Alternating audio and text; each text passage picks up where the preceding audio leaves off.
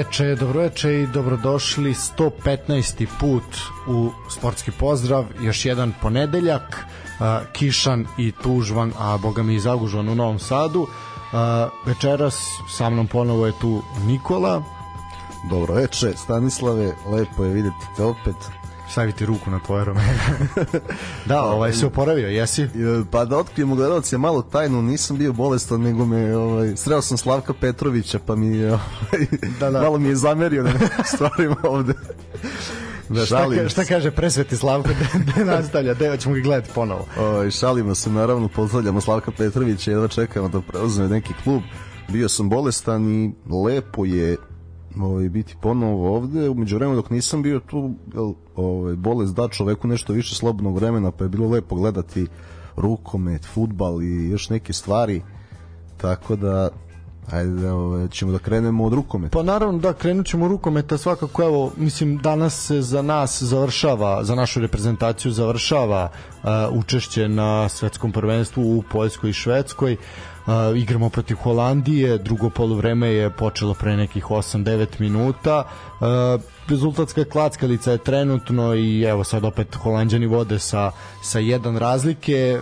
Manje više verujem da ljudi znaju kakva je situacija i šta se dešava ali ajde ponovit ćemo. Znači da bi e, ne možemo otići u četvrt finale to je jasno svima ali za e, prolazak da to deseto mesto da bi preskočili Sloveniju i da bismo bili učesnici jel da bi na ovoj kako se zove na olimpijskom turniru moramo da pobedimo Holandiju sa više od 13 golova razlike što je poprilično onako veliko veliko. Bilo bi malo i nerealno jer je Holandija zaista jedna ozbiljna ozbiljna ovaj repstacija što bi rekli vi na RTS-u ali poprilično i netipična moram moram priznati. Malo ćemo pričati ovaj prvi deo o ovom svetskom prvenstvu i šta smo sve šta smo sve tu mi nešto videli i koliko se zapravo rukomet promenio promenio kao sport ali koliko Uh, jeste on napredovao, jeste se sve ubrzalo, jeste mnogo dinamičnije, ali nekako kao da organizacija koja ga ovaj čuva nego i prati koja bi to trebala da radi nije dorasla ovaj još uvijek imamo tu neke gluposti oko organizacije koje su se dešavale ali ajde svakako ćemo ovaj prokomentarisati kakav je tvoj utisak? Evo sad prvi put smo imali ovako velik broj reprezentacija mnogo afričkih zemalja za koji južnoameričkih za koje nismo ni ono sanjali da će se naći na ovakvom prvenstvu. Pa znaš kako, mislim da je e, previše, ono što jeste, jedino što je bolje u ovom formatu za mene jeste to što se igraju četvrt finala, jer ono ranije je bilo surovo da samo četiri ekipe odu dalje i toliko kvalitetnih ne dobije šansu u knockoutu da se bori, to je ono što je bolje i mislim da ćemo zaista uživati u samoj završnici, ali je loše što su toliko proširili da nekim eki, da tri ekipe idu dalje. I nekim ekipama vidimo zaista da nije mesto da. u ovoj fazi gde eto na primjer sad mi objektivno zbog težeg žreba ne možemo da stignemo Sloveniju na gol razliku, a recimo razigravanje od 9. do 12. mesta nema, a ima od 29. do 32. da, što je isto sumno. Da. Jer mislim da bismo imali što da kažemo i protiv Slovenije i protiv Hrvatske. Definitivno, slažem se. Mislim da, da se borimo za to deveto, ovako Pa, Hajde da pobedimo Holandiju i mislim, šta sad? Ne kaž, stvarno jeste zanimljivo videti Urugvaj, Zelenorodska ostrava, uh, Saudijsku Arabiju i tako dalje i tako dalje. Pogotovo ta Zelenorodska ostrava su me onako poprilično pa simpatična su. Ovaj ajde u najmanju ruku sad da ne preteram u hvaljenju, ali mislim da ok, sve to, sve to stoji, ali mislim da ono što sad mi gledamo na ovom svetskom prvenstvu u rukometu, da će nas to čekati i na futbalskom prvenstvu, da je to ono što što negde nas očekuje isto tako a, ra, razređen kvalitet i mnogo mnogo utakmica za koje koje se zaista ne mogu ne mogu ispratiti. Vi ste imali toliko utakmica u danu, toliko utakmica Koje su se igrale u isto vreme da vi jednostavno fizički je nemoguće ispratiti ispratiti sve to. Mislim, znaš i sam koliko se namučimo kad igraju ono poslednje kolo u grupnoj fazi svetskog prvenstva, dve utakmice istovremeno, pa pratiš na dva, na dva mesta. Ovde se igralo po 3, 4, 5 utakmica istovremeno, što je zaista, zaista previše. Uh, trenutno je 22, 22, eto, kažem, gol za gol se igra, Uh, ono što bih ja isto eto primetio i onako prokomentarisao to je da je rukomet mnogo mnogo brži i da to smo negde pričali ovako između nas da se povećao broj dodira igrača sa loptom. Uh, evo da je na, ovo, ovo je nešto ovo isto ovo podsjeti se, nakon što završimo moram pričati o ovim tehničkim greškama. E, povećao se broj dodavanja, recimo eto neko izračunao, neki dokorni ljudi sede i broje rukometna dodavanja, e, da je za ovih 10 godina sa nekih prosečnih 70 dodira sa loptom koliko bi imao igrač tokom utakmice, sada to poraslo na preko 120 što je ozbiljan, ozbiljan, ozbiljan postotak, ali to i pokazuju e, prvo koliko su akcije kraće, koliko uh, ima mnogo mnogo više više golova, ali nemaju zapravo šta je šta je razlika i to je baš uh, juče mislim tokom prenosa uh, Sreten lepo rekao prenosio je Mađarsku i Zelenorodsko ostrvo u jednom momentu je rekao koliko malo zapravo pravi razliku između takve selekcije kao što je Mađarska i Zelenorodskih ostrava, a to su te sitne, sitne neke tehničke greške, a to je sekund ranije ili kasnije nekoliko santimetara levo ili desno, to je ono što je što pravi pravi veliku veliku razliku. Možda su se ljudi iz IHF-a i vodili time, eto kao naš, da pokažu da taj Urugvaj ili eto, taj Cape Verde koji toliko spominjem, ovaj naš, nije to tako velika velika razlika, ali na kraju kad podvučeš crtu zaista jeste. Uh, možemo pričati malo o tome kakva je bila naša reprezentacija, pa bih se onda malo osvrnuo i na ove naše ovo odlično izvedan je da niste ovaj sedmerac da Vanja Ilić. Vanja Ilić da i oni brat su bili bili fantastični uh, možemo malo ajde dok se 43. minut je 44. ističe ajmo ovako hoćeš prvo na naše ne, prvo ili na... ovo što si rekao vezano za organizaciju ja da. bih rukomet i odbojku uporedio sa uh, MotoGP i Formulom 1 u smislu da rukomet ima uh, loš marketing i ne radi na svom marketingu kao sport Tako je, zato što to, je aktualan u jednom mesecu. Aha, odbojka i Formula 1 mnogo bolje rade na sopstvenom marketingu. I recimo kad uporediš e, to kad je Liberty Media preuzela Formula 1 od Bernija Ecclestona od 2017. godine, ti od tada imaš hajlajte svake trke od 6-7 minuta, gde ti možeš u celom danu da pređeš sezonu, ključno obilaženja, preticanja, bodove i ko nije pratio u taj sport može da se uključi. S druge strane imaš još jednu jako bitnu stvar evo za ljubitelje možemo samo reći to imaš to da ti ljudi izbacuju kompletnu seriju ovaj da sad evo Netflix izbacio Drive, Drive to Survive, survive da evo sad mislim da da ne znam da li izašao ova sezona još uvijek ili sad u ovih dana izlazi ali tu bi trebalo bude. Tako da opet i onaj ko nije znao a evo, na primjer meni bliski ljudi dosta njih za vreme pandemije ovaj dok je bilo onog smo bili u lockdownu i to sve, uopšte nikad nisu pogledali jednu trku Formule 1, a ti ja smo se budili kao klinci nenormalni ono vikendom, umesto da spavamo, mi smo ustajali da, da gledamo. Sakrivali se od roditelja. Da, ovaj, da bi gledali trku i oni su, eto, pogledaš dve, tri sezone Drive to Survive, malo izvrtiš na YouTube-u šta to sve ima i ti se realno spreman i potkovan da da ovaj da pratiš formulu. Ne možda kao Srđan Erceg na tom nivou, ali definitivno da znaš šta se dešava. E sad izvini što sam te prekinuo sad ovaj možeš možeš nastaviti. Ne, htio sam da kažem e, da me ovo takmičenje podstaklo da se podsjetim neki stvari koje sam gledao u rukometu kao klinac i onda shvatiš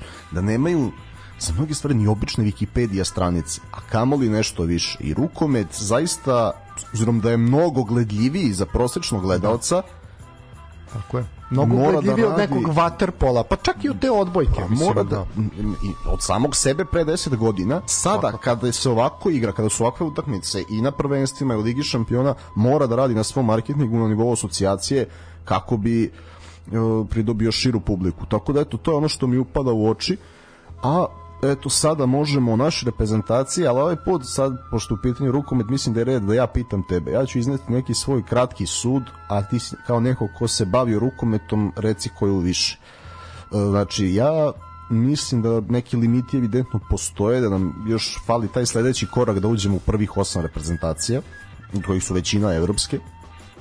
I, ali ono što ja primećujem ovako laički, mi skoro nismo imali zanimljivije srednje bekove. Znači, jer Nedeljka Jovanovića nismo stigli dovoljno da zapamtimo i posle toga znam da smo se krpili sa desnim bekovima koji su reprezentaciji bili srednji, da je bilo raznih pokušaja, ali da to nije bilo to i da su iskusniji fanovi rukometa stalno kukali na tog srednjeg beka. Ja sad mislim da mi to imamo. Ne na nivou Knora ili Sagosena, ali da imamo. Mislim da su se krila fantastično pokazala, i mislim da imamo jednog elitnog golmana i da ovog načina koji ubrzavamo igru pa nekad i grešimo meni izgleda mnogo bolje nego neke druge reprezentacije koje imaju veći individualni kvalitet ali igraju sporije. Eto, to je ono što sam ja primetio ovako. Sad ti... E, ovako, vidi. Uh, zaista posle mnogo, mnogo godina... I, izvini, da. i nam fali jedan elitni defanzivni igrač možda. Ok, da. Uh, ovako, posle mnogo, mnogo godina zaista mi imamo jednu ozbiljnu ozbiljnu uh, reprezentaciju gde su momci koji se nalaze na spisku Tonija Đerone i koje smo imali prilike da vidimo neke manje neke više ovaj na ovom prvenstvu uh, prvo su igraju u elitnim klubovima uh, drugo ti momci su potekli iz naše lige i to je nešto što mene jako jako raduje da imate mnogo momaka koji su potekli iz Partizana, iz Vojvodine, iz metaloplastike i to je nešto što je ozbiljna ozbiljna priča. Toni Đerona je napravio dobar posao Uh, jer je skautirao uh, mlade, mlade momke, pazi, on tu sad već ima uh, koje cikluse takmičenja već te, te momke, ali oni su i dalje mladi, mislim, to su sve momci ispod, ispod 30 godina, znači negde 25, 4, 4, 5, ima i ko ima manje, mislim, sve to, sve su to još uvijek mladi, mladi momci koji onako tek će doći onako sazreti za neke velike, velike stvari. Imaš uh, osvajače Lige šampiona u u reprezentaciji, to nismo imali dosta dugo. Imaš jednog elitnog golmana, to je svakako Milosavljev, on je po možda u top 3 golmana na svetu. I mislim da su nas Nemci apsolutno namestili da on ne brani utakmicu. To, ok, Jer, da, da, da, je, možem, da. je kontrola bila odmah sutra u Nemačkoj pa da on, pošto je jel, da. prvenstvo je bilo na 4 sata vožnje valjda od Pa dobro, blizu, ovaj, znači, to najbolje Nemci znaju. Do, do Katovica mu je trebalo 4 da. sata vožnje kad je obavio kontrolu, ako se ne varam. Tako da Ok, mislim da, možemo sad, možemo pričati o tome, ali možemo pričati o toj utakmici iz ne, protiv Nemačke na jednom, iz jednog drugog ugla. Što se tiče ovoga, znači, Toni Đerona treba doživotno da bude selektor, čovek ili dok ne oboli od neke demencije ili nečega, jer ovakav rad i ovako ovako postavljenu priču ja se ne sećam da smo imali dugi, dugi niz godina. Čak i da ne zamere najveće naše rukometne legende koje su bili najveći majstori ovog sporta, koji su bili selektori, eh, kada smo imali ta, njih imali smo problem sa klanovima, neću da igram, ovaj mora da igra, ovaj ne mora da igra, ovaj ne sme da igra, sa pričama u savezima, predsednik saveza zove za ko, ko da igra, ko da ne igra, znači toga očigledno više nema, jer Toni Đerona je čovjek sa strane, Toni Đerona je neko ko je došao ovde da odradi odradi posao. On možda ne diže tri prsta i možda ovaj se ne kune u neke druge stvari, ali čovek ozbiljno ozbiljno radi posao. Mi posle mnogo mnogo godina igramo brz rukomet, igramo dopadljiv rukomet, imamo, popunjeni smo na svim pozicijama, te nesreće koje smo imali da su nam se ljudi povredili, mislim, vidi, jebi ga, desi se, razumeš, ne, ne treba kriviti nikoga, to je jednostavno ono, mo, de, desilo bi se i svakom, jednostavno moraš imati malo, malo sreće. Momci su fizički pripremljeni, znači oni nisu otišli kao futbaleri pa da oni nemaju snage. Momci i kako imaju snage, to su pokazali na utakmici protiv Nemačke gde si ti protiv jedne takve reprezentacije koja je igrala bukvalno bez greške, si došao na, izgubio si sa jedan razlike i što je najcrnije od svega, imao si šansu da preokreneš tu utakmicu. Falile su malo odbrane Cupare, falio je i Banda svakako, ali jednostavno i čak i takav si bio na gol, na gol razlike, što je Pazi, to mi smo, mi smo čak i rešili Wolfa i onda je rezervni golman da, uradio šta je uradio, taj ekstra kvalitet mi već nemamo, još uvek. Nemamo, a nije to samo ni, ali... jeste kvalitet, ali tu je naš, malo ima tu i do nekog kontinuiteta. Naš, ti, ne? ti Nemci igraju toliko godinama, mi smo, ovo je još uvek mlad sistem kod nas. Uh, sviđa mi se jedna stvar, uh, a to je upravo u toj utakmici protiv uh, Nemačke, kada je e, selektor Đerona je pokušao da sa onim našim standardnim, ono što nas je toliko krasilo tokom godina, a mene toliko nerviralo, su te izmene odbrana napad. To je nešto što je toliko prevaziđeno, to više ne može. Jednostavno ne može. To može na utakmici Slovenija, uh, Crna Gora gde se ne zna ko je sporiji, pa možeš da menjaš tri igrača i tako dalje i tako dalje. A seti se, to nam je godinama bila odlika da menjamo dva igrača u odbrani napad jer imaš nazad momke koji znaju da biju, a baš nisu nešto mnogo kreativni e, pokušao je, video je da to ne funkcioniše, ali ne stižemo da se vraćamo, da će nas ovi ubiti bukvalno, čovek je odustao, znači nije bio tvrdoglav, rekao je, ok, ovo, ovo ne, ovo može da nas dovede u haos, nećemo, ovaj, nego ćemo, nego ćemo igrati s tim kako, šta imamo i kako imamo i dobro. E, što se tiče, spomenuo si srednje, srednje bekove, e, Kukić Uh, ovako, Kukić može da učestvuje na Mudijadi u Šapcu, znači čovjek ima hrabrost da se zaleti da popije batine, što nije uvek pametno, ali te kako je hrabar i te kako ima ima da ono iz koje kakvih padova i pozicija pusti loptu i ovaj mali kako se zove Izvini, deluje mi da Kukić mnogo manje greši nego na evropskom prvenstvu. Pa dobro vidi, ali to je sve opet godine, znaš, iskustvo, vreme, to je sve nešto što on će i on je još uvek ekstremno mlad, mislim i on će ti ono sazreti, sazreti koji je koliko Kukić ima. Kukić ima 27 godina. Vidi za srednjeg veka, znači pogotovo sad eto ga sad u Dinamu iz Bukurešta, ajde da vidimo na šta Bukurešt kao hoće nešto ponovo da se podigne, da vidimo šta su šta gde će to biti, šta će biti sa ligom šampiona. Dodić je mislim Stefan Dodić je onako to je dečko ima 19 godina, dečko je odigrao fantastičan turnir. Znači, možemo sve redom, ja ne bih tu niko, niko nije tu podbacio, svi su fantastični bili i Đorđić koji je izvlačio neke stvari. Ko, pa Đorđić je pogodio stativu, vamo dva puta je pogodio stativu.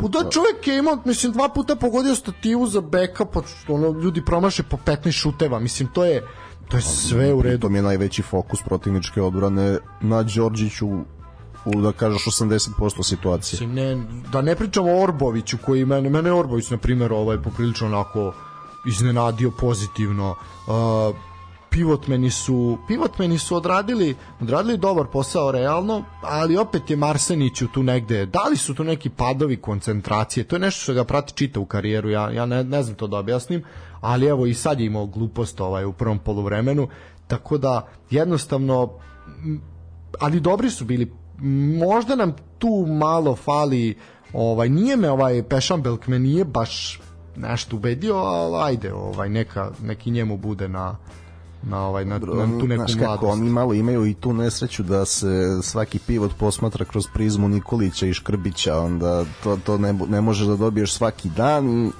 pa, nije dobro. najjednostavnija stvar, ali u, kad sabereš oba pravca kako igraju, mislim da je to ne, okay, sasvim... Da, nema, nema onih momenata, znaš što sam isto primetio, nema onih momenata ne znamo šta ćemo s njom, e sad ćemo je pustiti, znaš, ne, to su, to su ti alibi potezi u rukometu, sad ću da je pustim, znaš, kao dodao sam pivotu, ja sam napravio neku fintu na 10 metara koja nije promenila ništa i pustit ću na pivotu da dobiti batine od stranu čet, četiri ono odbrambene igrača. Tako da, znaš, te, tih, tih momenata nema, tako da je to isto, isto ovaj, jako, jako zanimljivo. Uh, i pohvalno u svakom slučaju. Uh, šta reći, moramo, moramo ovaj i vidi Jovica Nikolić isto nema šta. nije imao sreće ali je pokazao sreće ali je pokazao u, u oba pravca da može. Apsolutno. Uh, i ja bih svakako naše naše naše dete ovaj kao što sam spomenuo i Nikolića hoću spomenem i Bomaštara ovaj momka koji je počeo jako kasno zapravo se bavi rukometom. Ovo je čovjek bio fudbalski golman i to mu je bilo od uvek, od uvek želja ali eto prešao na rukomet i sećam se tog prvog treninga kad su ga ljudi u futogu gledali kad je bilo ono kao ja kako je spor ja ovo ja ono baš je onako imao spore spore reflekse jako je ta noga sporo išla gore ali eto čovjek izrastao u fantastičnog fantastičnog goma i tek njegovo vreme je tek ono tek predstoji. Negde sigurno nekim narednim godinama zamenicu paru eto ono što sam se raspitao kod ove čoveka koji trenutno prenosi utakmicu Sretena Raškovića kojeg pozdravljam ovom prilikom koji će biti gost ovde. Svakako mora, mora. Ovaj, kada uhvati malo slobodnog vremena, možda posle šampionata, kaže znači da nadolazi pored Dodića koji je bio MVP juniorskog prvenstva kada smo osvojili bronzu da nadolazi Miloš Kos na levom beku koji igra i odbranu i napad da očekuje dosta od Nikole Zečevića iz Partizana i da mu je zanimljiv Trnavac na golu. Tako da, da Trnavac i ta... je ozbiljna priča, to će isto biti.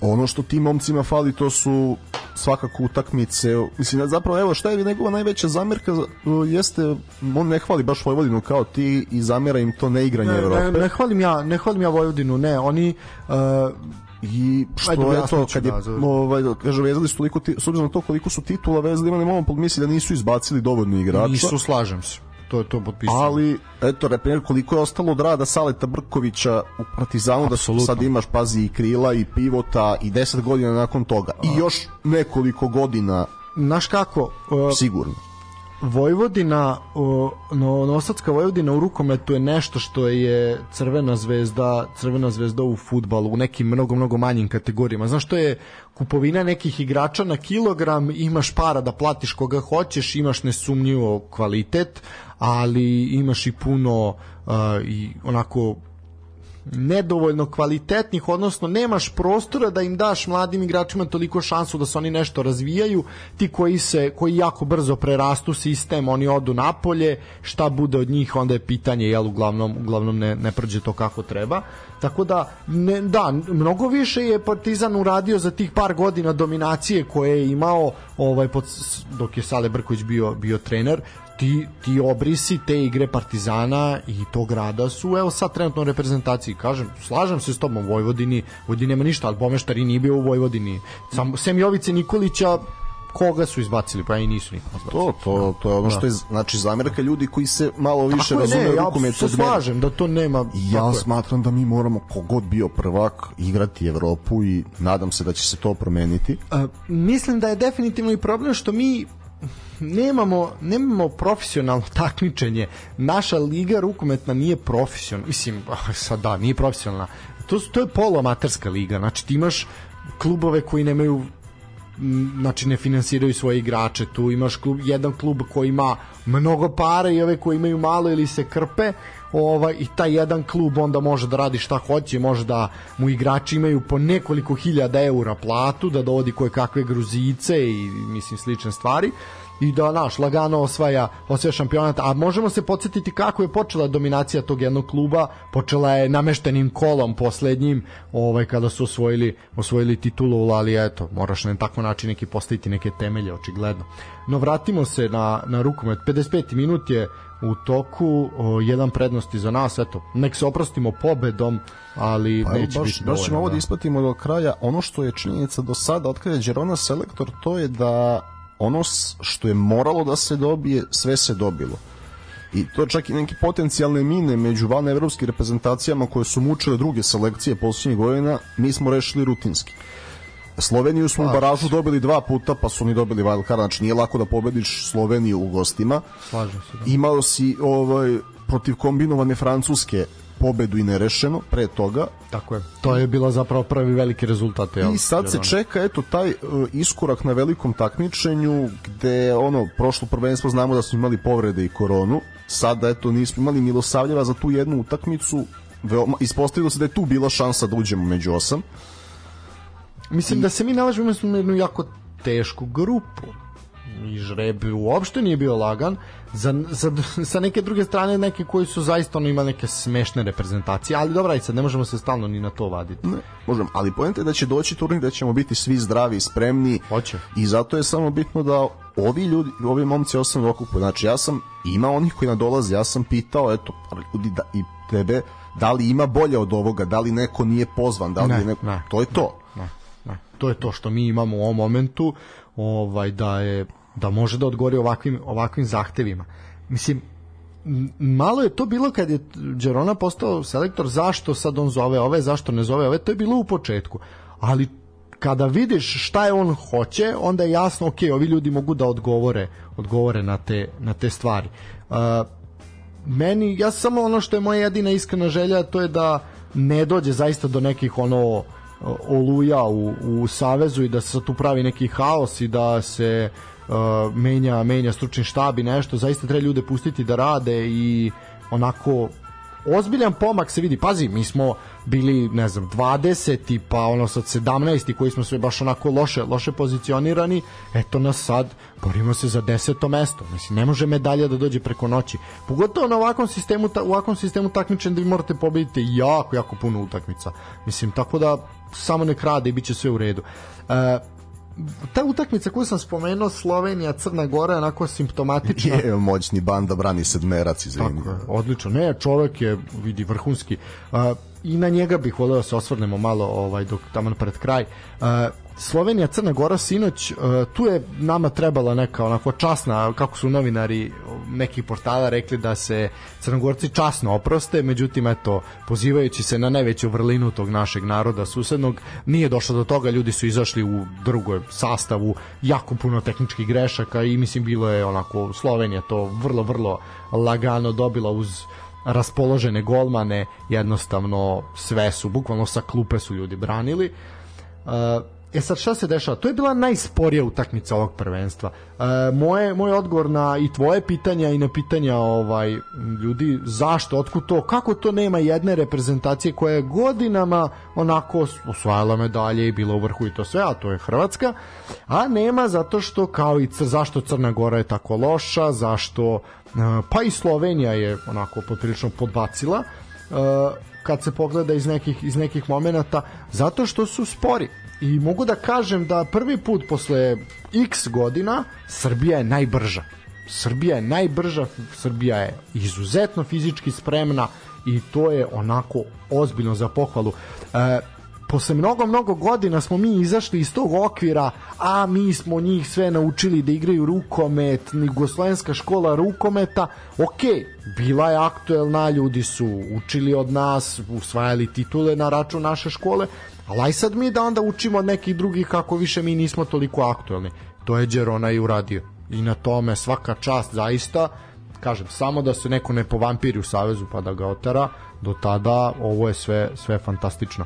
Uh, kako ti se čini primjena vara u rukometu, da tako kažem, ovo gledanje snimka i to što si imao prilike da vidiš? Nije bilo mnogo duše na našim utakmicama, ali... Pa, vidi, znaš kako, obzirom na to da pamtim dedina nerviranja, instruisana suđenja, mnogo više isključenja na jednu stranu odnosno drugu gde su sudije mogle da kroje gotovo zato što im je bilo ostavljeno na da na utisak ovo je ipak veliki napredak rukomet tako da naravno da može bolje u nekim situacijama ali kako ti objasnim ne bih ovaj, ne mogu da se žalim. Ko ni u, bilo je bilo je neki zaista eto na primjer ta utakmica juče al ajde taj da kažem nije ona nešto mnogo odlučila naš naš par sudijski je sudio i baš to onako imali su imali su grešaka čak i sam Sreten u prenosu rekao da ono uz dužno poštovanje ali grešite. Uh, bila je taj, taj jedan moment eto na našim utakmicama na ovoj utakmici protiv Argentine pre neki dan ovaj eto kad su sudije malo pogrešile s tim isključenjima ali ajde na kraju smo mi pobedili i to je to je ono što je bilo najbitnije a kako ti sad ajde kao neko ko navijao si za Argentinu na svetskom prvenstvu u fudbalu, kako ti se čine sad u rukometu? Isto su svi mali nabijeni i stetovirani. Znači, pa, nema, nema razlike, prgavi, koriste moment za provokaciju, znači A dosta su niski, na primjer, kao i Holanđani, jako su niski. Holanđani su on tipa Beckham je 172, mislim, to je jako nisko za... Da, da, izuzetno tipičan Stains. Da. Ova, ali nema veze, to ne smeta mu, razumiješ, čovjek, čovjek gruva.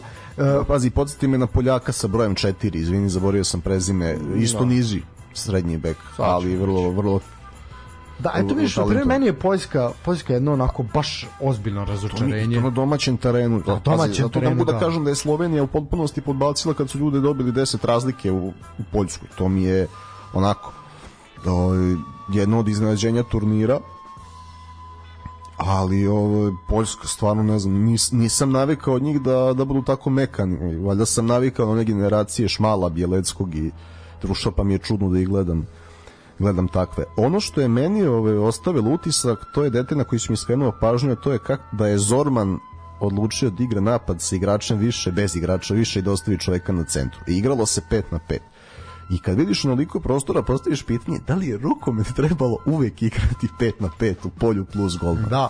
A... Neverovatno koliko stvari može da se uradi A vidi, lepota, ono što sam ja rekao i na razgovoru za za Arena Akademiju kad sam pričao sa Nešom Milovanovićem i sa Milošem Iličićem, to je kad su me pitali pa kao ok, kao igrao si rukomet ceo život, a zašto futbal?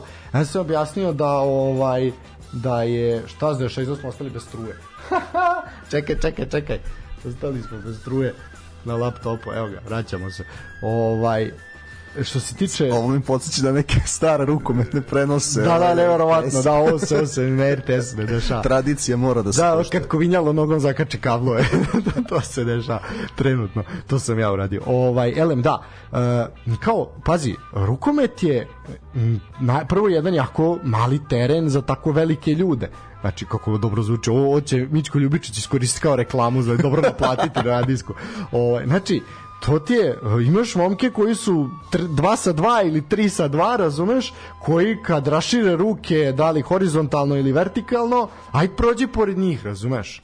Znači, to je ozbiljna, ozbiljna, ozbiljna potraga za prostorom, gde mora biti ekstremno brza kretnja da bi ti oslobodio taj neki prostor. I šta dođe majstor, majstor i uradi. I kad imaš jednog igrača više, logično se, mislim logično, to je negde ono instinkt, da se ljudi povuku, jel, imaš igrača manje, odnosno ako si u odbrani, ljudi se povuku na 6 metara, naš kao raširimo se koliko smo da to i obično pukne po krilima, jel?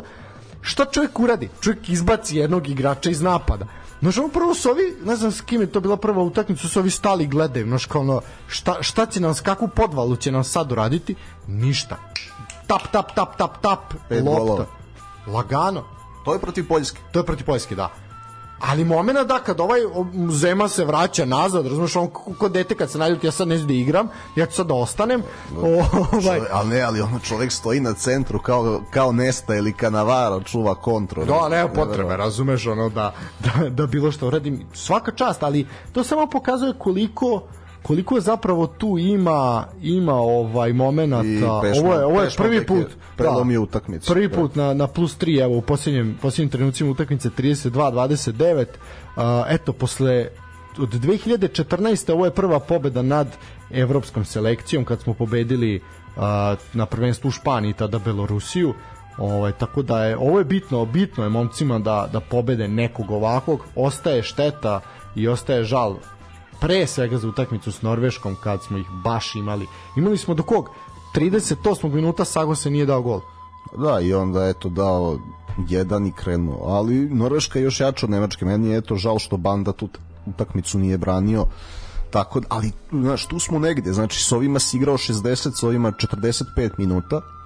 E, s tim da ja mislim da mis, šta je ali, negde- pazi, ja poluvreme protiv Norveške je najbolje poluvreme koje se ja gledao u poslednjih, što ne znam Pixi koliko rekao, mi smo nismo poraženi u prvom poluvremenu, ne znam, pa, ne znam, pa pazi tome, e, nismo, ako izuzmeš onog medalju gde smo bili domaćini, imali dug napad i to, Da. od 2009. je ovo najbolja Srbija. Apsolutno. Ono, pazi, ono, Bez najbolje poluvreme protiv Norve- posljednji put je poluvreme tako bilo baš protiv Nemačke, ono kad kad smo vodili sedam razlike, pa na kraju sačuvali remi golom Mladena Bojinovića, ali ta, znači tad smo protiv Nemačke i Danske vodili po sedam razlike pa ispuštali. Mislim da od tada se nije igralo tako, pošto se sada igra mnogo brže i modernije, ima neku, neku bazu za budućnost. To je neko Svakako, Moje viđenje. ne, prvo, momci, sad ona moja teza koju sam godinama pričao, to je samo da bi se ovaj hvalio kako sam ovaj kako sam ja atleta, ovaj sada definitivno mogu da potpišem da e, ba, ovo, na ovakvom nivou igrati rukomet je zaista izuzetno fizički naporno i mislim da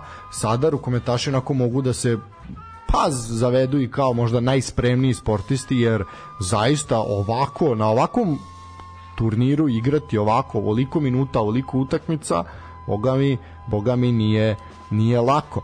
Uh, koliko puta smo toku, na primjer, šta naj, najbolji pokazatelj koliko se uznapredovala ta fizikalija, ta strana, je koliko puta si video, a video si mnogo puta, ako se gledao više od tri utakmice, a jesi, da je lik u skoku uhvatio loptu i, na primjer, kontra ili neka polu kontra u skoku uhvatio loptu i u istom tom skoku, bukvalno iz odbojke je, je izbacio loptu. To su Nemci nama radili četiri puta.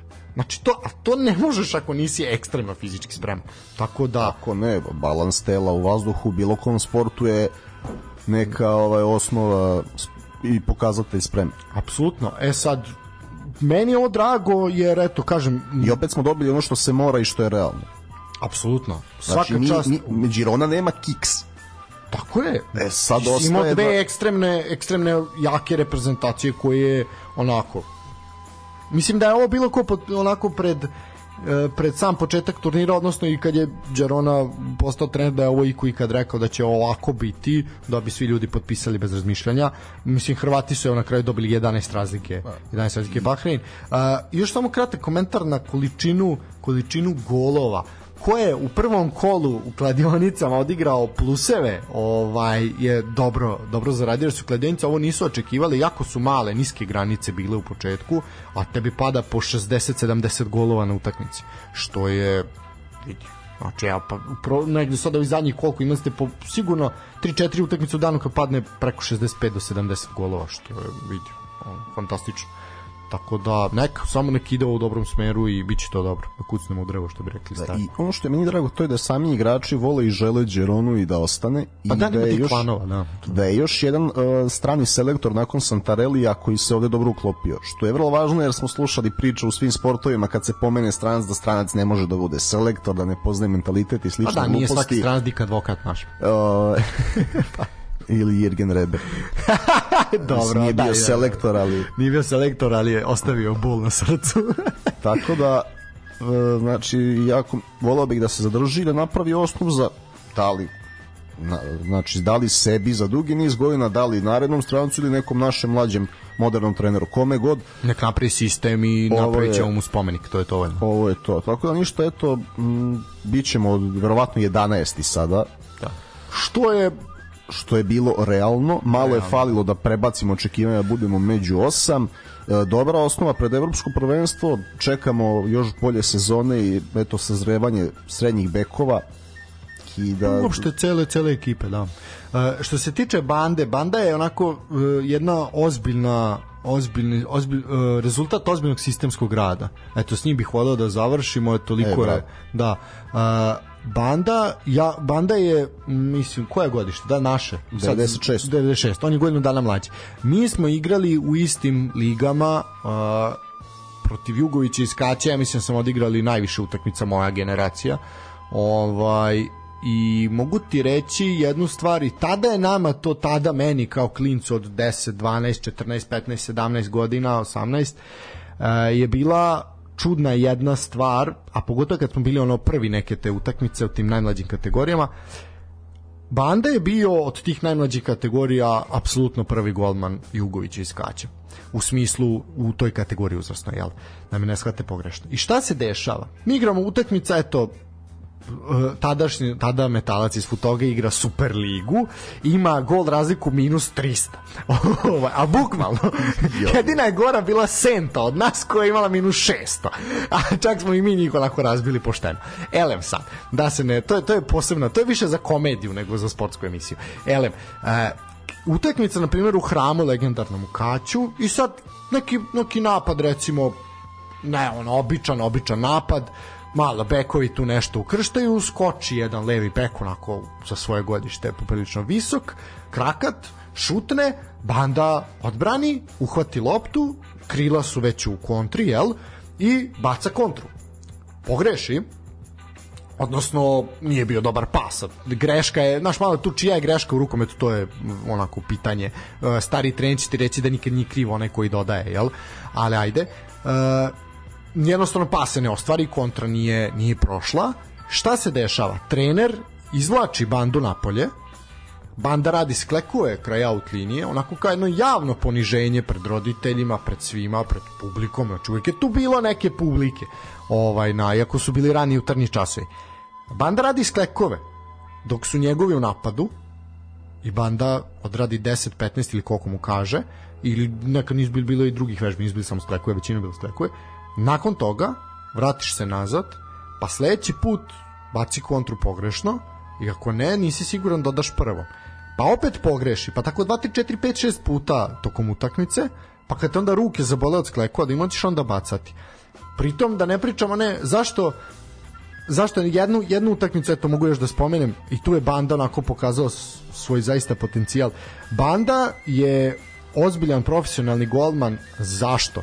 Zašto je on iskočio iz naše lige tako i tako lako otišao i radi u Vardaru sa Dejanom Perićem i sa Šterbika imao, mislim, to, to, to je ono nešto što bi svaki rukometni golman poželao ikad.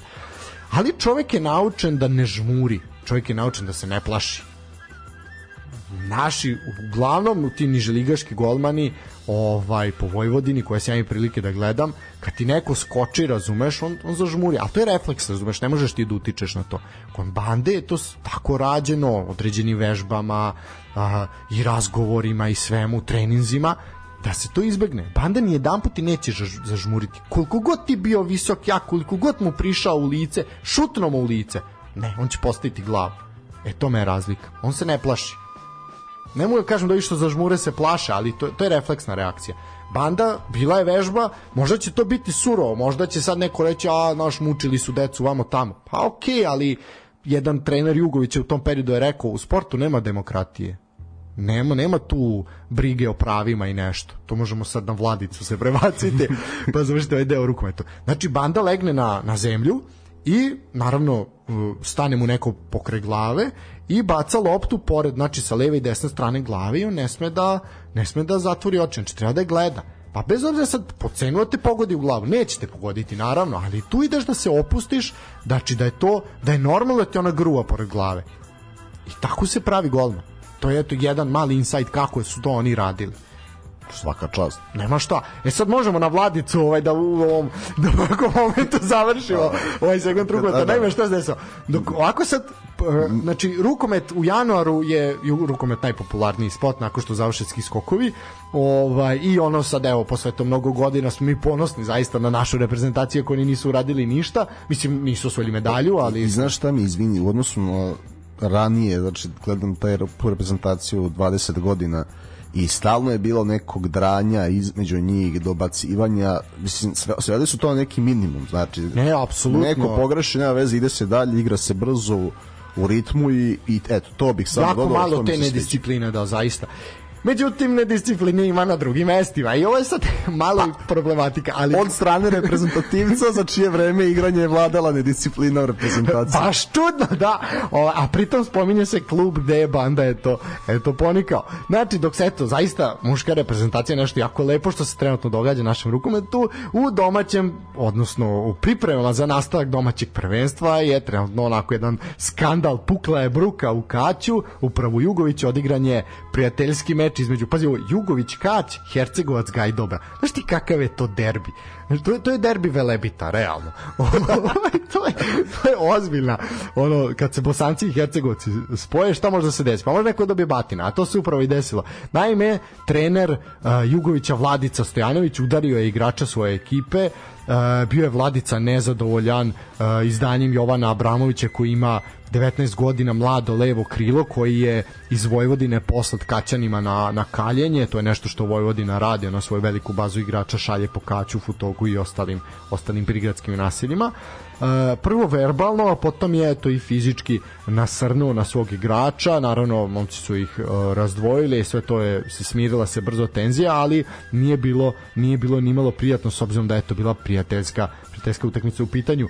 Vladica Stojanović, nekadašnji reprezentativac naše zemlje, srednji bek koji je igrao u Crvenoj zvezdi, u Partizanu, igrao je po inostranstvu, igrao u Francuskoj, u Rumuniji, u Nemačkoj.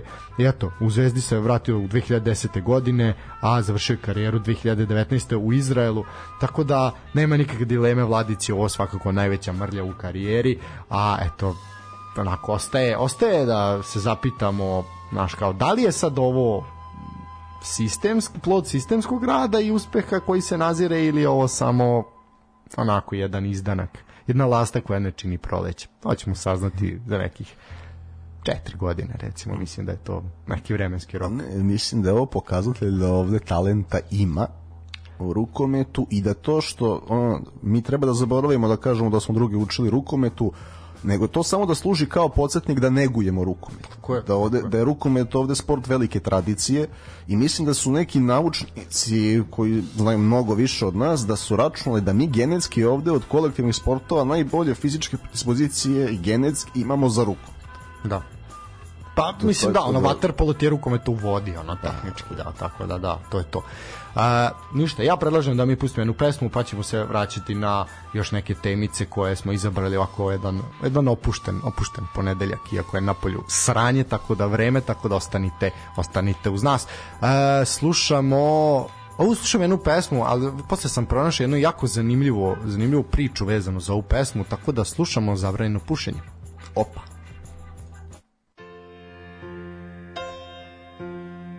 Ljudi su išli u kolonama, nikom nije smeto vjetar što je duno te majske nedelje je došao Osijek, al opet i Koševo bilo puno. Bio sam tad još sasma mali i nisam znao zašto neki plaću.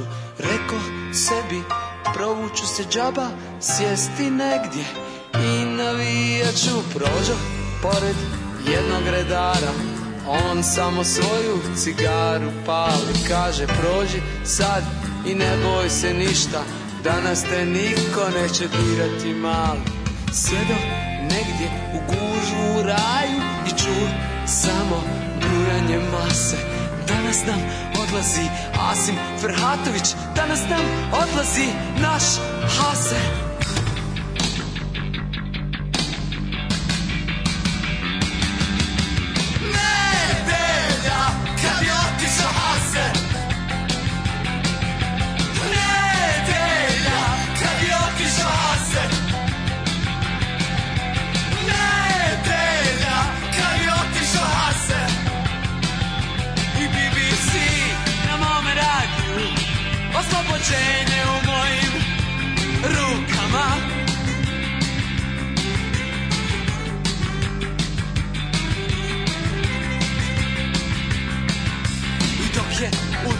utakmica ova trajala. Stariji ljudi su uzimali riječ Sine Hase je tukao. Engleze, Švabe i Ruse I ovo sad mu je posljednji meč. Pješe rezultat jedan, jedan Kad sudija otvira kraj. Spustiše se zastave, stadiona Koševo. Stade jedna nedelja da se nastavi maj, maj. Nedelja kad je otišao Hase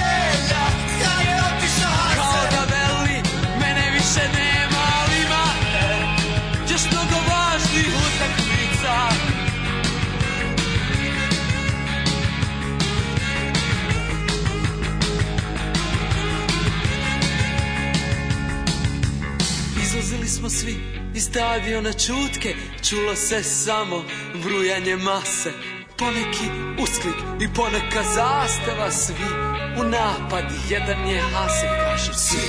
U napad, svi u napad, svi u napad Jedan je Hase, svi u napad, svi u napad, svi u napad Jedan je Hase,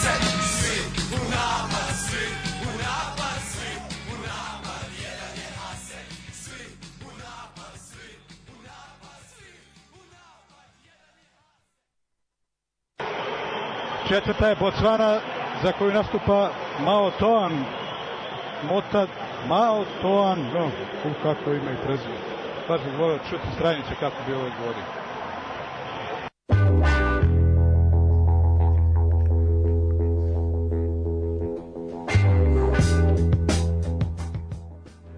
E, evo nas nazad. Ovaj, da li ovim džinglom mi nešto najavljujemo? Da li ovim džinglom mi nešto najavljujemo? ovaj, ne, malo sam obogatio, malo sam obogatio. Srce mi je puno sad. E, naš, imam, imam pa dobrih, imam još jednu onako dobru, ovaj, vidjet ćeš, onako jednu jako keca u rukavu, ovaj, čućeš malo kasnije posle sledeće pesme. Ovaj, malo sam imao vremena da, da se bavim, da se bavim time. Ovaj, tako da vidjet ćeš, vidjet ćeš, zanimljive stvari. Našao sam kompilaciju onog grešaka Nedeljka Kuvinjava od 50 minuta imamo džinglova vidi na izvoz. O, do, do 300 te emisije sad. lagano nema da vrtimo. Ovaj tako da e, ajmo dalje. E da sad spomenuo sam ovu pesmu e, zbog čega je zbog čega je ona e, toliko bitna. Inače čovek koji eto s kojim sam ja nekoliko puta onako imao lep, lepe razgovore, a koji ga puta puno pozdravljam, to je Semir Žilić, čovjek koji nešto što je čikaca za nas uh, i čikaca koji održava crnobelu nostalgiju i čija je to zapravo onako tvorevina i nešto što zaista je za ove mlade generacije, a i za starije koji su počeli da zaboravljaju nešto što onako čuva čuva istoriju istoriju kluba. E pa gospodin Semir Žilić je to isto za Sarajevo, za fudbalski klub Sarajevo on e, vodi sajt, odnosno stranicu koja se zove Bordo Bordo Vremeplov. E sad zašto sam ja pustio ovo dan, dan, nažalost na današnji dan e, 90 i sad ću tačno reći Ako je 36 godina, koja je to godina? Koliko je 36 manje? manje? 87. 87. tako je. Ovaj nema to ma ja sam išao medicinsku školu to ne, ne priča uopšte. E, na današnji dan, eto, 1987. godine preminuo je Asim Ferhatović Hase, e, sigurno najveća legenda fudbalskog kluba Sarajevo. Eto, mi smo ovom pesmu malo odali, odali počast, a naime šta se dešava, upravo je e, naš dragi Semir zbacio tekst kako se zbog ove pesme ovaj pogrešno implementira ovaj kada je kada je Hase preminuo znači nije 25. januara nego 23. ovaj a on je njemu je zapravo rođendan 20 24. tako da eto to je bila ovaj mala greška koju je Nele Karalić onako ovaj nam podmetnuo ali dobro ovaj čuvena pesma i sve i treba se treba se setiti ovakvih legendi, ali eto, mala istorijska nepravda je je ispravljena. Čak je išlo do toga da su na tom sajtu koji sad ono kao što ima Lisje kod nas, jel tako, oni imaju neki pokop.ba, ovaj da piše da je 23. jel? Ovaj preminuo, onda su im rekao kako kad Nele kaže da je 25. Ovaj pa naš ne veruje se preduzeću koje ga je sahranilo, nego se veruje, ne, veruje Neletu Kareliću, ali to je ono negde usudi propast ovog društva na ovim prostorima, ali eto ispravljena je nepravda. Tako da svaka čast, eto, to je nešto nešto lepo. A, možemo dalje kad smo kod velikih navijača klubova, a to Nele Karlić nije, pošto menja svaki 20 godina klub za koji navija, a sam sad ovo, ovo sad vidim, malo smo prozivka. Ne, Po istinu, pa kad si u pravu, pa čekaj, Pa, ali, ali ne, ne, nije, e, ja, znači šta je ono što mi bode oči, evo, e, još sedam, preko sedam godina.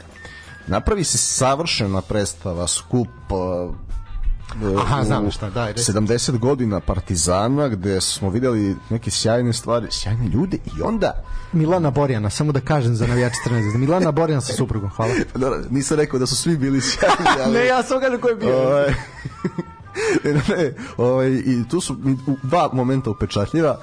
Prvi su setni pogledi Toleta Karadžića i Duška Miloševića jedan pored drugog. A druga je, znači, gde se peva pesma Dobro pamtim sve u izvođenju grupe 1A i onog uh, dečijeg Deči, hora. da, deca sam nabila, da. I izlazi da je peva Nele Karajlić koji je dojuče navijao za željezničar. Što se ne spori, što nije sporno, uopšte nije Nije problem. sporno, da. nego čekaj, kak, šta ćeš ti na, na tom skupu? A dobro, Ajde on da je- si seo gore uloži, pa ono, kako ti objasnim. Da, Ali- okej, on je on je ovaj mislim bio u tom momentu član upravnog odbora ili šta je bio? Nešto je Bio je rekao- član upravnog odbora sa Jelom i, i Srđanom Dragojevićem u tim ekspedicijama i putešestvijama po Evropi, ali kako ti objasnim. Da, ma naravno, mislim, dobro, Nele e, što kaže Daško i tu se u mnogim stvarima se ne slažem, ali u tome se slažem. Nele Karelić je umro onog momenta kad je otišao iz Sarajeva, razumeš, ova kreatura koja hoda to nije taj Nele Karelić ovaj, ali dobro. Ovaj, to je sad neka druga tužna priča. Ali sad imam jednu temu onako za razglabanje i za razmišljanje i nešto da vidimo kuda ide ovaj vrli beli svet ovaj beli dunjaluk kako bi upravo rekli u tom Sarajevu. A vi možete da nam se priključite ovaj u razgovoru na 06563 jedinice 073 pa da nam kažete šta vi mislite o ome a mi ćemo sad malo pričati o tome. Naime ove se pojavila u decembru mesecu a ja nisam nismo stigli da je prokomentarišemo, ali svakako je vredna vredna pomena. Naime šta se dešava? Znači imamo sad dva različita dva različita momenta. To je da e, su prvo navijači željezničara ono, oni organizovani, ovaj koji sebe nazivaju manijacima i nalaze se jel na pozicioniraju se na jednoj od krajnjih tribina stadiona Grbavica, na Grbavici, šta se dešava? Oni su postali generalni sponzori fudbalskog kluba i oni kažu da oni kažu da mogu da osiguraju 300.000 konvertibilnih maraka a, za klub. Naime, pozivom na telefon i još nekim drugim načinima, tu sad koga tačno zanima kako možete da donirate, ovaj nije nije to sad ni toliko bitno, ali E, poziv košta dve, dve markice dve markice košta i ovaj oni oni kažu da mogu da finansiraju klub. E sad, e, naravno tu je akcija obnove članstva, učlanjivanja i tako dalje, kupovine karata, kupovine svega što ima veze kako se pomaže klubu. E, to je jedna strana. Znači imamo eto da navijači održavaju klub u životu i da navijači umesto nekog Kaz Koina koji se i ovde kod nas pojavio kao sponsor pazara, ovaj preuzimaju tu to taj teret da budu glavni sponzori.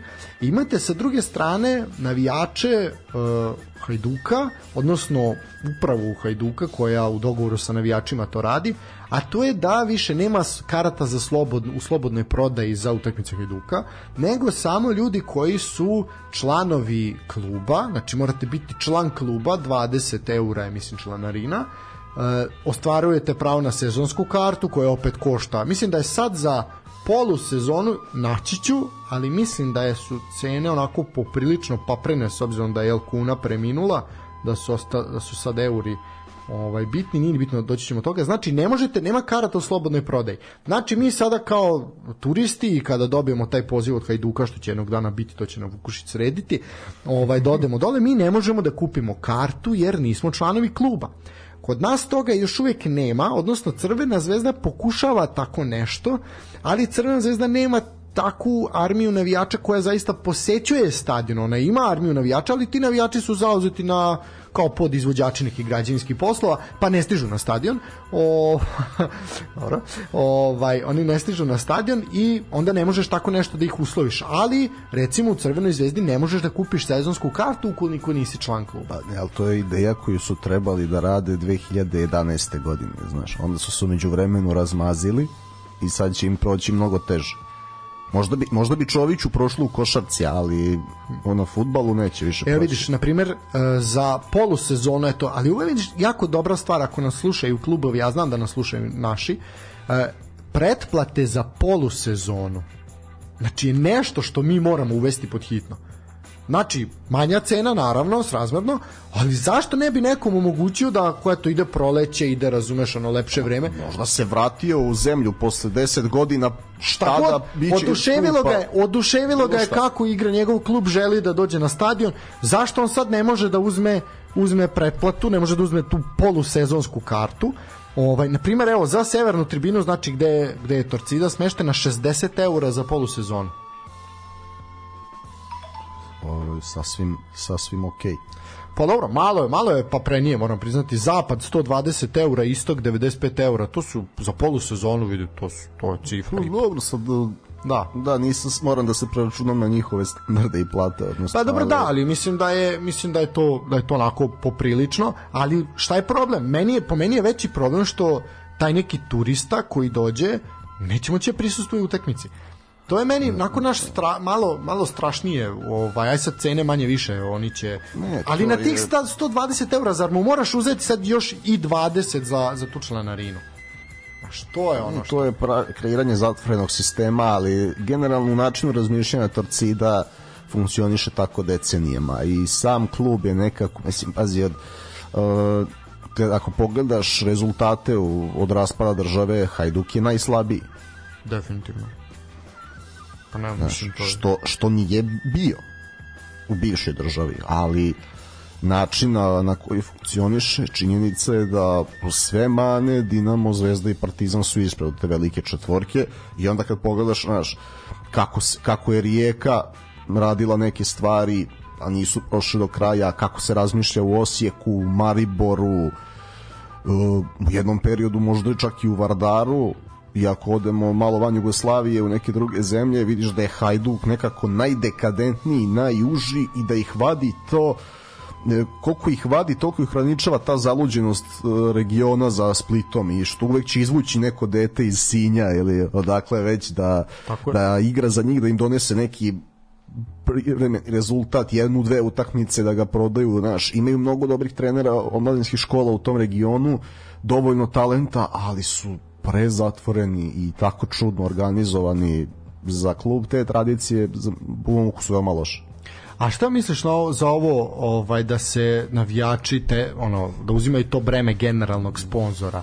Št, koliko je zapravo taj sistem sistem održiv? Ajde ti sad neko ko je ko je više u ekonomiji svakako od mene, koliko je to zapravo realno očekivati tako nešto i koliko to može dugo da potraje? To možda potraje šest meseci, ali da li će ti zaista ono svaki navijač pa svaki godine to radi? Teško, jako zaborave ljudi, zasite se, to je Uh, donekle, to su privremene mere iskreno. Daj Bože da, da njih nešto nosi godinama, ali razumem potez zato što je znaš kako Bosna je koja je tu u, su sporta najviše propatila, a ima određenu količinu talenta tamo.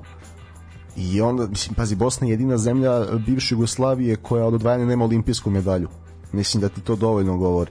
Znaš, podeljen, jer prvenstva podeljena po regionima, nefunkcionalna liga godinama i tek sad se ovaj nešto krpe, ovaj generalno savezi su tamo u najvećem haosu u svim državama reprezentacija ima uvek najviše problema u najviše slučajeva njihove reprezentacije izgledaju kao razbijene bande i pazi, a vidimo da ima talenta u košarci, znamo da ima talenta u futbalu, na momente smo je viđali u rukometu tim nekim kvalifikacijama, ali sve to nedorečeno nema znači, sistema, da.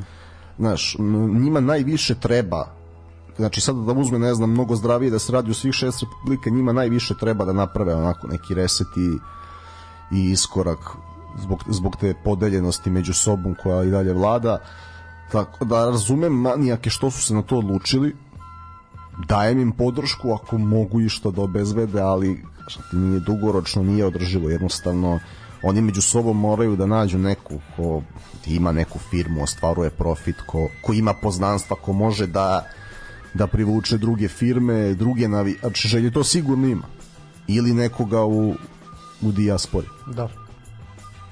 Pa znaš, ali to je opet veliko pitanje koliko neko ko ima sad ko je ozbiljan poslovni čovjek koliko želi da uplivava u tako nešto znaš i to je i to je ovaj i to je veliko pitanje a što se tiče sad naš pošto morali su da opravdaju neku tu koje su prednosti članstva jel osim što mo možeš da kupiš kartu prednosti članstva su kaže znači ti ne moraš uh, ne moraš kupiti sezonsku ako si član, ali imaš 12% popusta na sezonsku, što baš i nije neki popust, ali ajde. Imaš popust u fan shopu E, i imaš, kaže, to pravo prvenstvo kupine karate i kaže besplatno fotografisanje na poljudu povodom venčanja. Jer to je nešto što će svakog ovaj čoveka usmeriti da postane član kluba zato da bi mogao na dan venčanja da se fotografiše, fotografiše na poljudu. Tako da eto, ako ima vas znači, koji to... prosečna mlada je luda da se slika na da, apsolutno, mislim.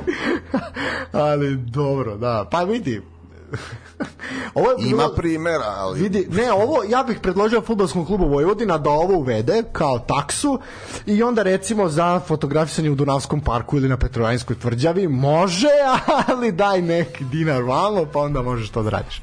Realno Vojvodina bi platila ono pogbu otprilike od toga koliko, koliko se ljudi fotografišu na Petrovaradinu i u parku. Duše sad nema labudova, ali dobro, ne veze i, i u hotelu Parku WC ima koliko se fotografija. E, ali sve da Hotel Park rasprodaje imovinu. Ne, video sam, znam to već neko vreme, pošto sam se tu šišao, tako da... Da, možeš da kupuješ polovni hotelski nameštaj, ako ste, ako volite, ovaj, ako ste baš eto tako ovaj, fanovi da tamo gde je Bata Kankan obitavao, ako želite da kupite te stolove i stilski nameštaj, stolice, eto, možete posjetite Hotel Park.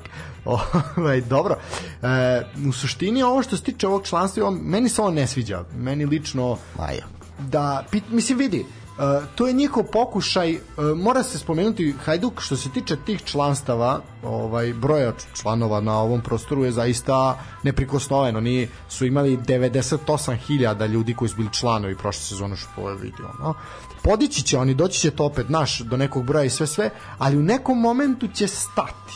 Znaš, ne, ne, ne možeš napraviti više ljudi nego što ih ima, jel, logično. Ovaj, tako da, m, pa ajde, ok, potez je takav kakav jeste, može on nama sviđa ili ne sviđa, ali ono što su jedan čovjek rekao, pa oni uvek lako mogu da vrate ono preko noći, je sad opet možete da kupite karte. Ovaj, ne znam zašto, ako si imao eksponencijalni rast, znači on raste, raste, raste, raste, pa si imao prvo 50.000, pa 70, pa 90, pa 100, zašto mora preko noći 200? Zašto ne može 120? Znaš, zašto uslovljavaš da tako bude forsirano, znaš.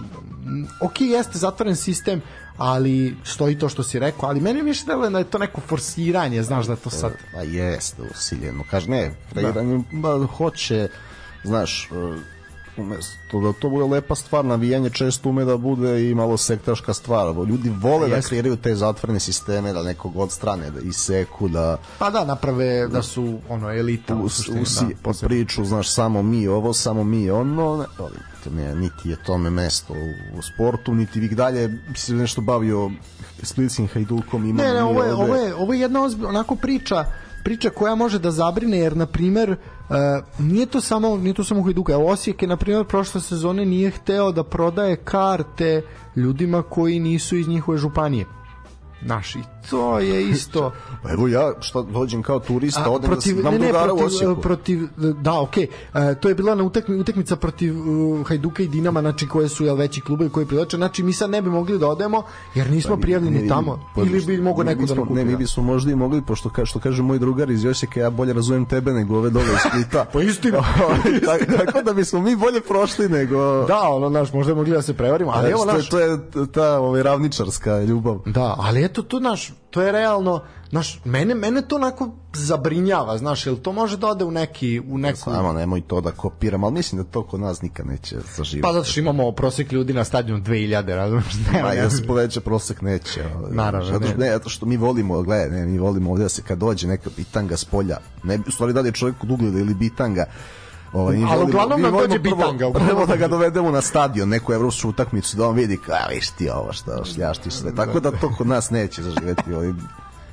Dobro, odlično. E, ništa, ja predlažem jednu pesmu pa ćemo se pa ćemo se onda baviti. Imamo još dve dve zanimljive zanimljive teme. Sad vidim šta ćemo pustiti. Može, ajde malo ćemo se razmrdati. Ništa, uživajte, pa se čujemo brzo.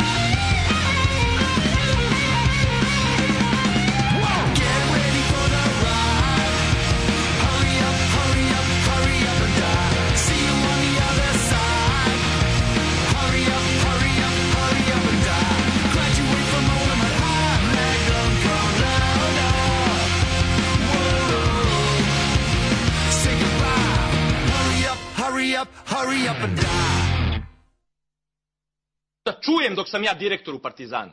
Ja garantujem za ovog dečka. Pa nema offside-a, čekao Žegović loptu na levoj strani je Pantić, sam je Pantić u Žegović i gol!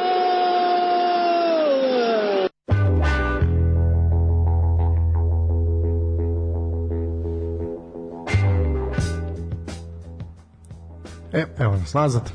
A, da, ovo je, vidim da nisi oduševljen Ivicom i Lijevim kao što si bio kovinjalom, ali dobro, ovo je epski ne, moment. Ne, niti, ni Lijevim, ni Strajnićem. Dobro, ovaj, ali ima, ima ovaj, moram nešto još izvući, to ćemo na narednu emisiju, ovaj, ćemo napraviti jednu, jednu foricu sa Strajnićem. I ima, uh, daš, Mislim, mislim, odušen sam tvojom izborom, da, dobro, to tvojim skečevima i spajanjem, ali njima dvojicom nikad. Ovaj ima momenat uh, upravo Strajnić je jedan momenat Strajnić komentariše jedan pogodak uh, naše reprezentacije to Daško i Mlađa često koriste kao džingl u njihovoj emisiji ovaj, pa ćemo ja pustiti džingl da li će ljudi pogoditi s koje utakmice to ko pogodi dobit će, dobit će nagradu ali o tom potom e sad ovih dana e, ljudi ostaju do kasno uveče budni, odnosno do ranih jutarnjih časova, jel prate NFL. E sad mi nećemo pričati o NFL-u, naravno, ali ćemo pričati o nečemu što će se dešavati narednih dana u ranim jutarnjim časovima uh, u, na teritoriji Sjedinjih američkih država, odnosno u Los Angelesu. A to je prijateljska utakmica između Sjedinjenih američkih država i reprezentacije Srbije. Dragan Stojković Pixi je ovaj sakupio momke koji će koji se pripremaju i koji će izaći na Megdan eto po našem vremenu od 4 4 ujutru. Kratko samo znači na golu tri igrača nisu e, ne, ne nastupaju u našoj Superligi, jel, nego su nego su upravo na teritoriji Sjedinjenih američkih država i Kanade. Znači ovako, Đorđe Petrović koji je uh, u New Englandu i Dragan Rosić će biti na golu, zatim uh, Ranko Veselinović koji igra za Vancouver, eto nekadašnji igrač Vojvodine, uh, Nemanja Stojić, Nemanja Petrović iz TSC, Filip Damjanović Voždovac, Marko Mijailović Voždovac, Mirko Topić Vojvodina, Miloš Pantović Voždovac, Vladimir Lučić Čukarički, Luka Ilić TSC, Luka Bjelović Spartak, Subotica Marko Ivezić Voždovac, Veljko Simić Vojvodina, Nikola Petković Čukarički, Dejan Jovelić Los Angeles Galaxy L i Nikola Štulić Radnički iz Niša. Prijateljska utakmica, često ova naša, naša reprezentacija i Futbolski savez radi da se okuplja ta reprezentacija naše lige, da tako nazovemo. Ovaj, šta ti, hoćeš prvo ostaviti što se budi rano ujutro da gledaš ovo, to me sad zanima. Ma kako? to sve je rekao. Možemo sledeći temu. Pa ne, ma mislim ovo je sve. Pazi, nije stvar prestiža, za njih je značajno, ali pazi, znaš što mi je drago, eto, ovo je neka na, mala nagrada Dragana Stojkovića za nas, jer mislim da smo sve jedno ime apostrofirali tokom da. protekle polusezone i zaista nema uh, svi navedeni su zaslužili. Sad, da li uspiješ mogu biti još širi da se stavi neko ime za nagradu, ali činjenica da su momci imali odlične polusezone, da su zasluženo tu, da su mladi, perspektivni i neko će sigurno napraviti stranu karijeru u jednom momentu biti spreman da bude tu i za one najozbiljnije utakmice. Tako da za njih je to dobro i značajno. Nekako su uvek gravitiralo znaš, na tim turnejama Americi, recimo, ono što je interesantno da su ona stara generacija, naša omiljena Jokanović i društvo, nisu svi nek, svoje posljednje utakmice igrali na prijateljskim utakmicama u Americi i Meksiku I to je bio neki čudan, to su sta, bilo je više prozora, igrao si po jednu utakmicu, pa onda ne znam, ideš u martu, putuješ iz Evrope da igraš sa Meksikom, pa u aprilu jednu sa Ekvadorom, pa opet u maju, gledam ono na reprezentacija RS, ono, čoveče, kako, kako je ovo tad izgledalo, i dosta njih se baš tu oprostilo, ovaj, posle više nisu dolazili da igraju, tako da nekako se uvek gravitira i pre toga je bilo utakmice i s Panamom i sa... Da, to je dok ja ne nesretni Ilija Stolica. Ja, Jamaj, ma i pre toga znaš da je bilo s Jamajkom, pa ono kad je Ljubinko bio VD da se igralo s Brazilom. Sa tako da, Hondurasom i da. I naravno čuvena utakmica koju živa spominje sa Brazilom 1-1, ovaj, sto puta je to govorio pokojni Bart. Tako da nekako, ne znam, uvek imamo dobru saradnju sa tim savezima preko okeanskim, valjda i to je ovaj praksa eto skoro 30 godina. Pa i ono pod sankcijama prve utakmice su se igrale sa sa Argentinom. Da, pa dobro, ovaj mnogi ve- verovatno koji imaju igra pretke. Zoran Jovičić kad je Da, mnogi, mnogi imaju na pretke koji su vratno otišli ovaj, svojih prostora koji su otišli ka Argentini, tako da gravitiramo sad ka tom pod, području ovaj, istorijski. A, šalim se, naravno, a, nema igrača Crvene zvezde i Partizana, bilo je priča hoće biti, neće biti, na kraju oni se pripremaju samo za šta se priprema Crvena zvezda, ali ajde, nastavak borbe u šampionatu. A, Partizan a, svakako ima taj evropski duel od koga onako se mnogo očekuje. A, imam neku informaciju da će taj evropski duel protiv šerifa biti u nekom cajtnotu da šta znači Zajtunu, na šta sam mislio da u momenta kad počne utakmica sa šerifom ako želite da taj dan gledate i košarku Euroligu a, nećete moći da odgledate utakmicu sa šerifom do kraja tako da to mi se ne sviđa jer će doći do tog nekog onako otići navijači na podelit će se otići na dve strane i opet vjerojatno stadion neće biti puno kapaciteta ali ajde o tome ćemo Odlično, pričati svi kako- koji idu, neki mostoja da globus majice, mi ćemo biti na stadionu. Ovaj, tako da, Da. E, četiri igrača iz Voždovca, ovaj, to je onako zanimljivo, 300 SCA, Uh, drago mi je zbog Bjelovića i Spartak u suštini svi su svi su zaslužni plus ovi momci koji su tamo Joveljić i, i ovaj Ranko Veselinović koji je prošli put kad smo bili tamo isto bio bio pozvan. Đorđe Petrović koji je ali, znaš, nisu što su to mladi momci za MLS i taj e, način shvatanja futbala tamo još uvek unutar lige. E, njima, njima treba Evropa i treba im krv iz kola u kolo. I Veselinoviću i Joveljiću i Petroviću. Ovo sad posebno što su tamo lepo zaradili. Do sada mislim da treba da se vrate u Evropu ligi poput belgijske za početak ili tako negde gde sigurno imaju mesta i da da se ipak bore za nešto ozbiljnije. A evo, iz Bje- Bjelovića mi je drago što je Spartak imao, kao Spartak, lošu polusezonu i on je tu gledao, znaš, stvarno je vukao koliko je mogao da bude svetla tačka, ovo je maksimalno a, zaslužen poziv. Eto, Pa ne, mislim, svi, svi momci na spisku su zaslužili i Štulić, mislim i momci, naravno, Sjajno, to sve, pazi, Veljko Simić koji je motorino, ono, Vojvodine. Kako, kako promenljivu polusezonu ima radnički i kako je Štulić se snašao u svemu I tom. bio konstantan, da. Nego, Ne. reci ti meni, ovaj, znam da si se malo odvikao, ovaj, nemaš toliko vremena da pratiš sve, ali reci ti meni kao dugogodišnji simpatizer Arsenala i O, Arsena da, to je- Wengera, to je naravno. kako tebi sve ovo izgleda sada, da li stižeš i... E, stižem, prvo stižem, gledao sam ovaj zaista spektakl, ono, klasik je bio ovaj u nedelju. Uh, iako sam pre toga evo sad možemo, čekaj samo sekundu sad ti reći šta sam sve, pošto ovaj vikend sam imao radio sam subotu, subota je bila radna ovaj, kao đak sam nadoknađivao ovaj, časove a sad ću ti reći šta sam sve pogledao pa ću ti reći ali sam ja normalan. Ovaj, ja mislim, znaš vratno odgovor na to pitanje, ali ajde sad čisto da bude zanimljivije. Da, u suprotnom smeru je isto. Da, ovaj, sad ću ti reći šta sam ja sve gledao. Samo momena da izvrtim sofu, da vratim na, na, na subotu, samo trenutak. A, evo ga, subota. Znači ovako, ja sam prvo u petak gledao Istru i Slaven Belupo. Pozdrav za našeg Đoleta, naš Đole Gvero je prenosio tu utakmicu i on se jadan, mislim vidi, on se fantastično snašao utakmica, je bila toliko teška, toliko e, dosadna, toliko nezanimljiva. Ja je nešto gore u životu nisam pogledao, ali sam ono romantična istarska večer samo zbog našeg Đoleta i eto pozdravljam ga ovom prilikom, znam da I- nas i sluša. ja takođe. Ovaj, to je bila prva utakmica. Onda sam gledao uh, Partizan, malo sam prebacivo na Partizan i mladost u Waterpolu. Um, to je evropski klasik iako Partizan daleko od onoga što je što je zaista nekad nekad bio mladost je to dobila. Uh, gledao sam rukomet, taj dobro to sad jednu utakmicu, to nije toliko bitno. Subota Osijek Reka 1-1 po snegu Osijeku. Nije mi jasno zašto su počeli ovako rano da igraju sneg pada u Varaždinu, u Zagrebu, u Gorici, sve je, Osijek, stoveje, mećava. Zašto žurite? Zašto ste počeli ono dva vikenda ranije nego što je? Ne, mislim da je da je to želja da se prilagode kalendaru ozbiljnih evropskih liga. Ali- ali onda moraju, znaš, i, i u tim ligama kada je sneg ili se odlaže ili im treba efektivnija oprema igrači i Da. organizacija da bi se toga rešili. E, Tako onda, da, ne razumem želju za, znači, za ranijim završetkom sezone i dužim letnim pripremama.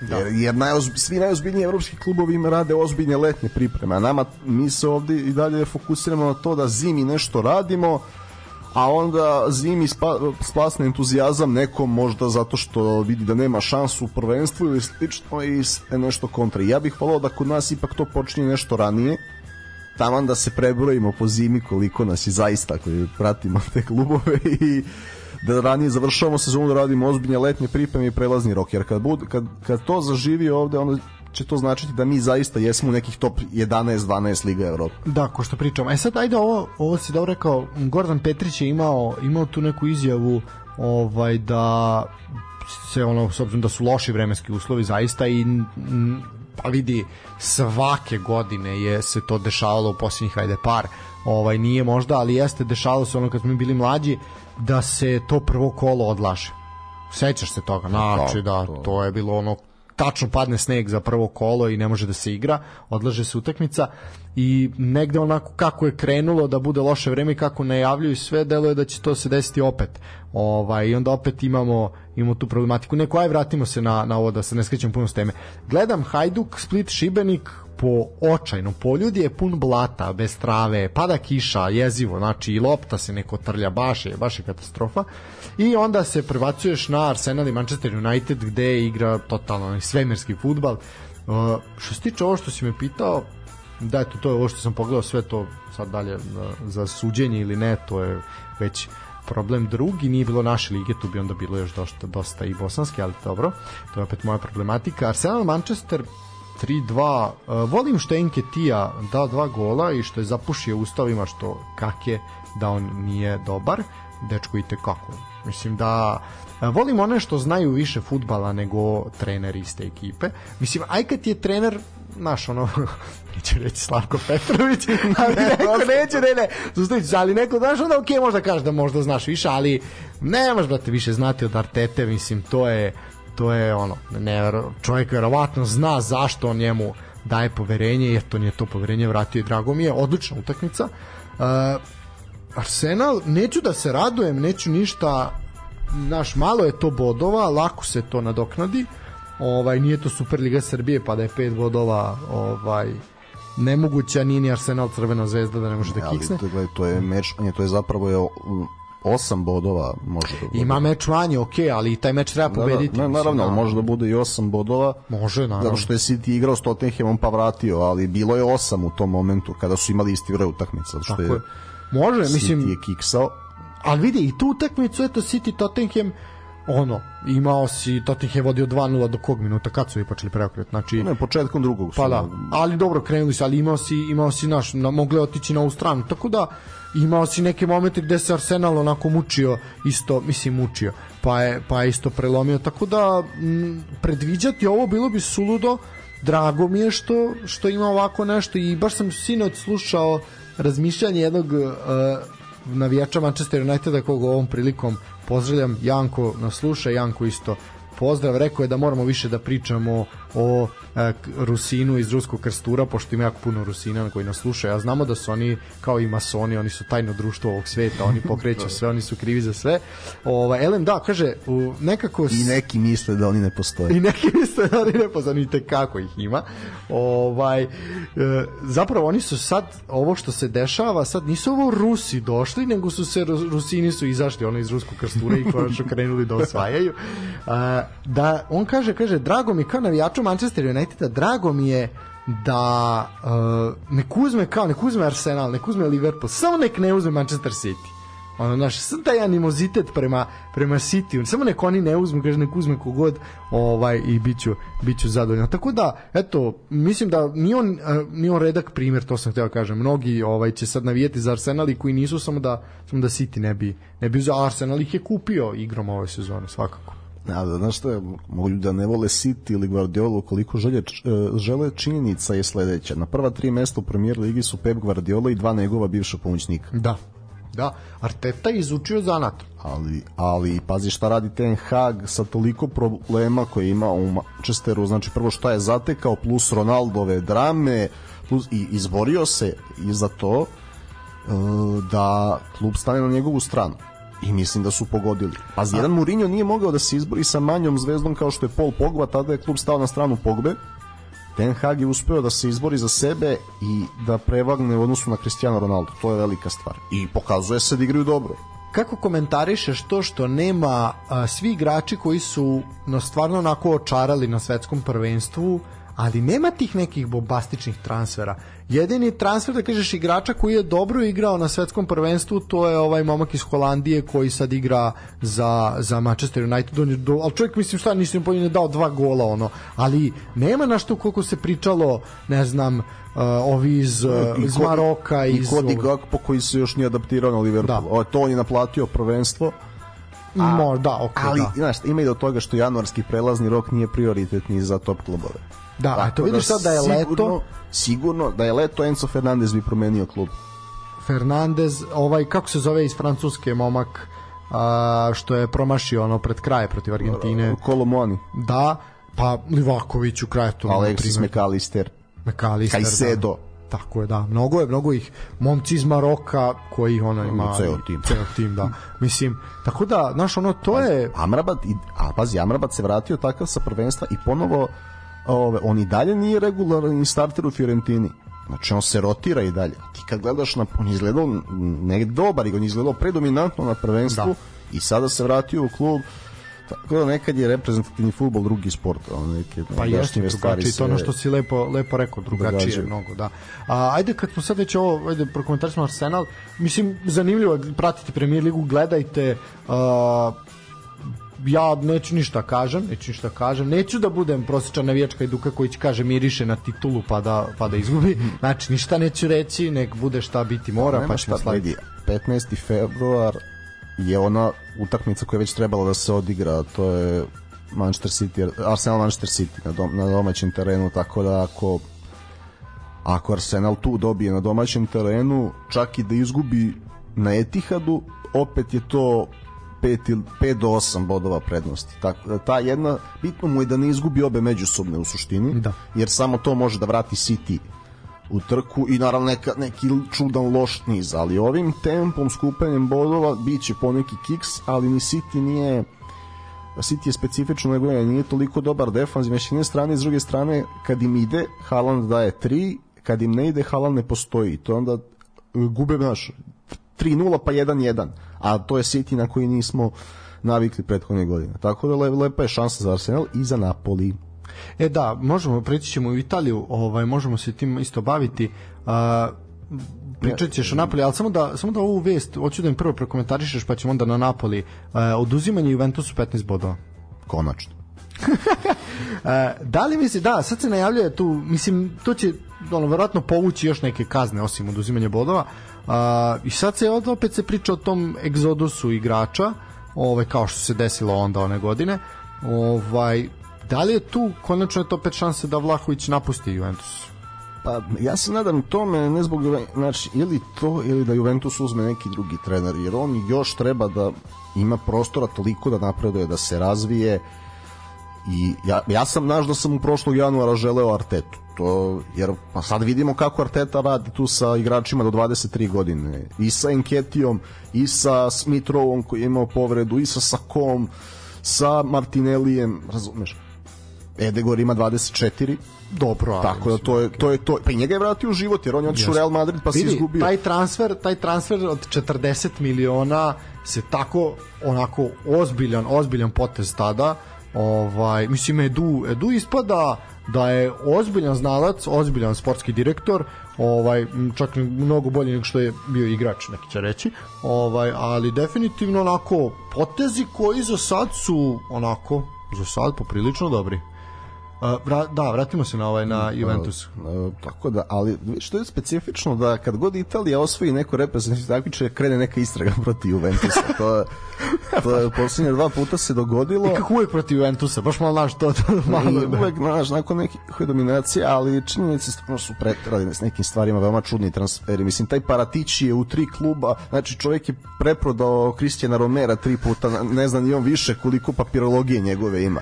Sad je u Tottenhamu, evo dobio je tamo, e, treba da dobije i on zabrano da radi, da se bavi poslom generalno i u Tottenhamu, to je valjda sad dilema da li će on moći da obavlja svoju funkciju, pa samim tim čim ne može ni on da kombinuje tu odmah Conte najavljuje svoj odlazak i ostalo, tako da Conte koji je opet bivši trener Juventusa sa tim mentalitetom, Juventus ume da pretera s jedne strane, s druge strane nije jedini koji to radi i ima klubova u drugim ligama koje, čije poslovanje treba malo ispitati jer ovaj, naš, mnogi ne posluju u okvirima za, za, zašto ljudi misle, znaš, na primjer, evo, koje su gazde veoma kritikovane globalno?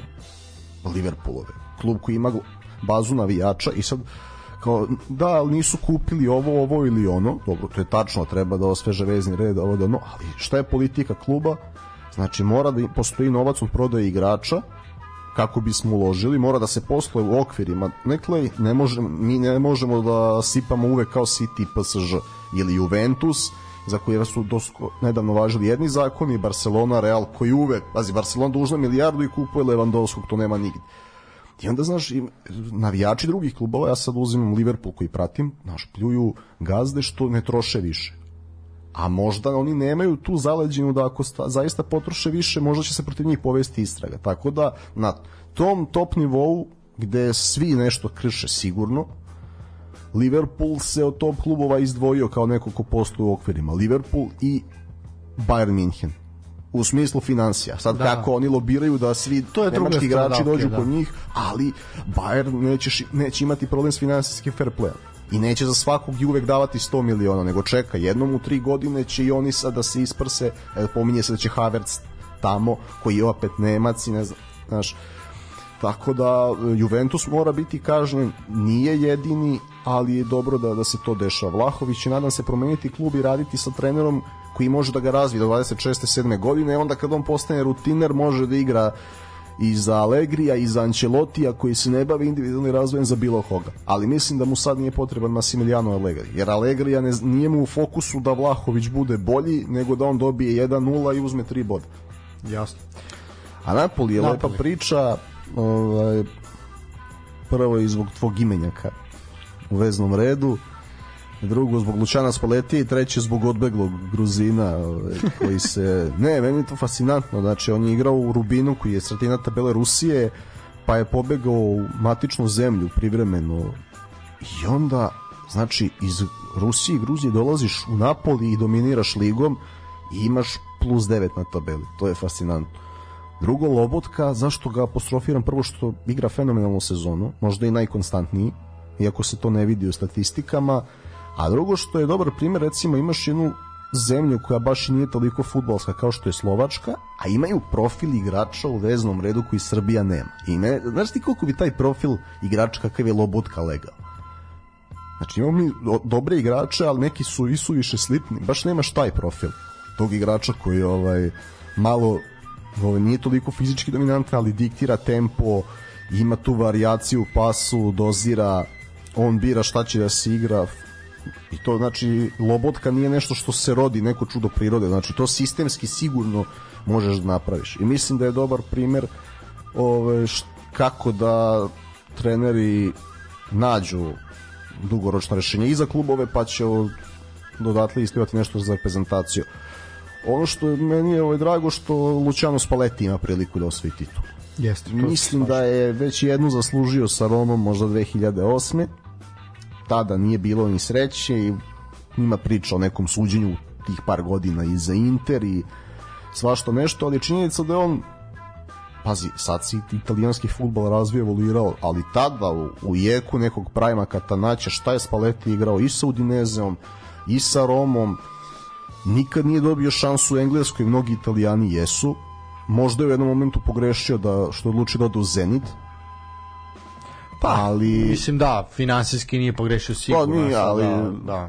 ali kad vidiš ko je sve, mislim, Walter Macar je dobio šansu u Premier Ligi, Spalletti nije, znaš. Tako da, tako da mi je za njega drago jer je mnogo dao italijanskom futbalu, a nikad, eto, taj, taj sam, taj čin je falio da se domogne Skudeta i sad je u ovom padu Juventusa dobio priliku, pazi, nemoj da zaboraviš da je on imao utica i na razvoj Mohameda Salaha u drugom mandatu u Romi, Da. da je oživeo Džeka, da ko je tu pazi, u razvoju Florencija. Znači uvek pre toga Udineze u koga je vodio ne znam, David Pizarro i ta, jedan Kulovski i ta generacija koja je kasnije igrala elitni futbal tako da Spalletti je neko ko ume sa da nađe igrača da sa ne tako jakom ekipom osvoji recimo 8 do 10 bodova više nego što im se predviđa u sezoni, ali dođe nadomak, nadomak nečeg.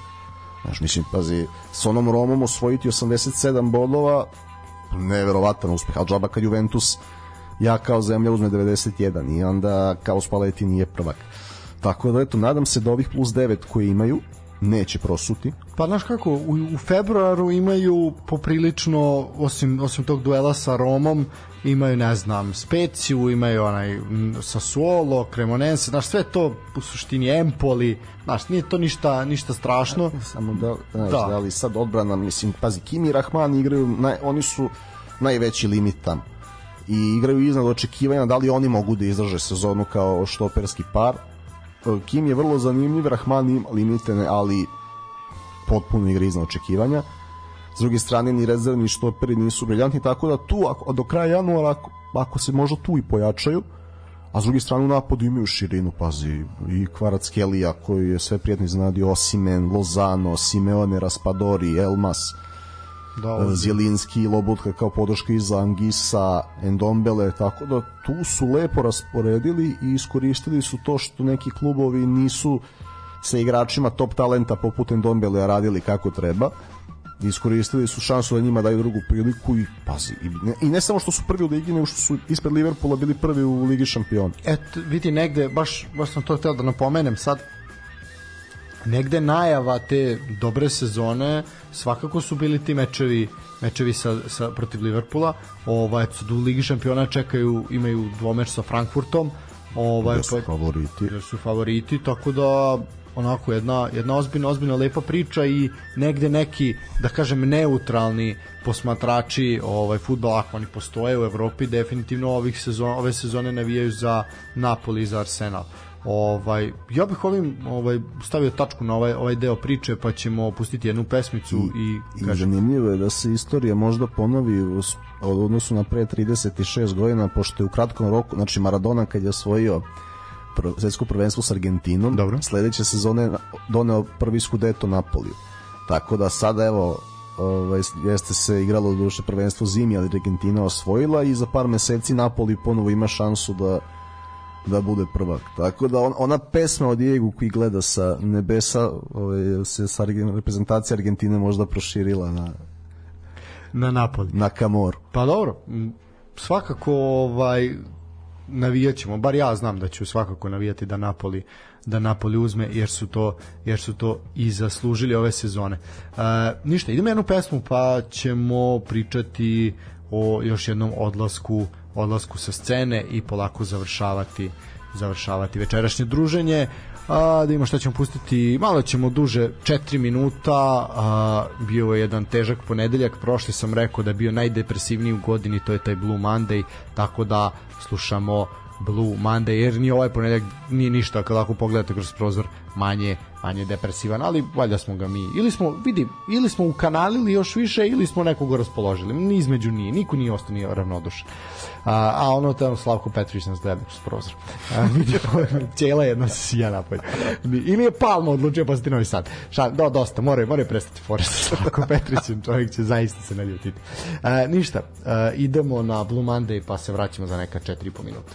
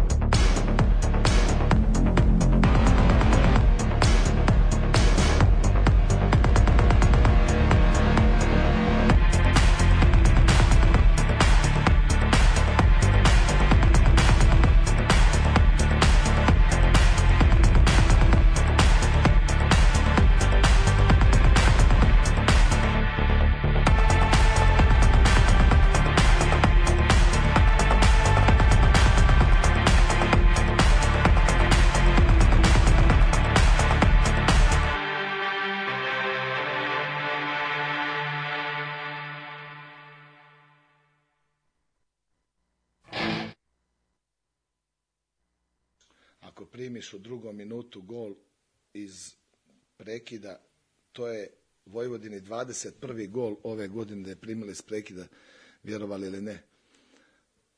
Stotine i stotine prekida vježbamo non stop, non stop da mi budemo opasni iz prekida, a da ovaj a da ne budemo ugroženi primiš gol u drugom minutu.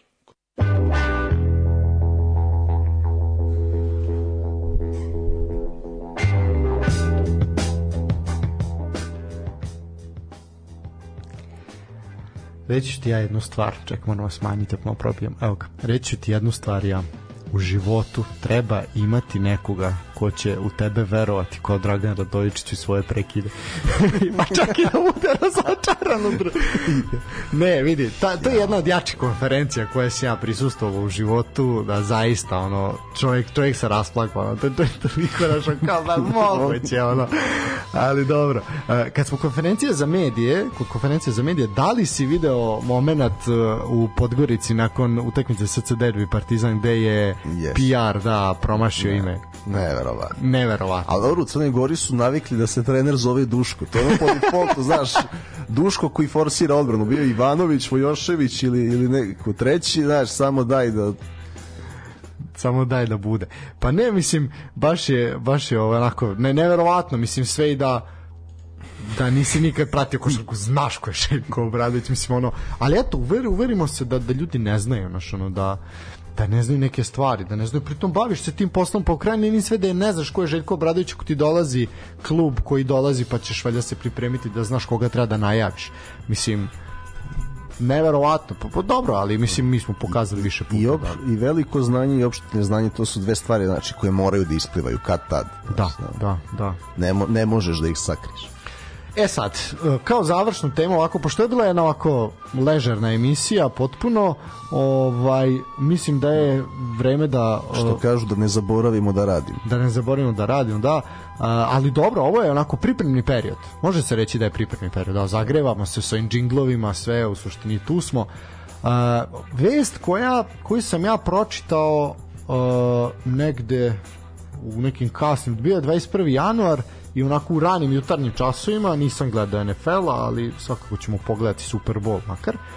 A, i iskočila je vest da je proslavljeni srpski legendarni stonoteniser Aleksandar Karakašević najavio da će okončati igračku karijeru u nacionalnom timu na meču između Srbije i Francuske koji će biti odigran sutra ovaj u sportskoj hali Šumice u Beogradu, znači 24.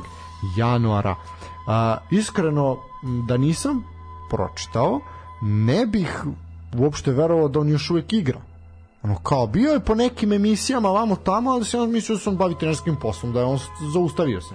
Međutim čovjek u 47. godini i dalje i dalje je igrao. E, to su što se tiče tog meča to je meč e, u okviru kvalifikacija za evropsko prvenstvo u Švedskoj. E, ovo će biti drugi meč u kvalifikacijama. U prvom meču smo izgubili od e, Engleske 3-2 u Kovilovu a evo nakon ovog duela sa Francuskom se putuje za London kada će se igrati igrati ova isto protiv Engleza.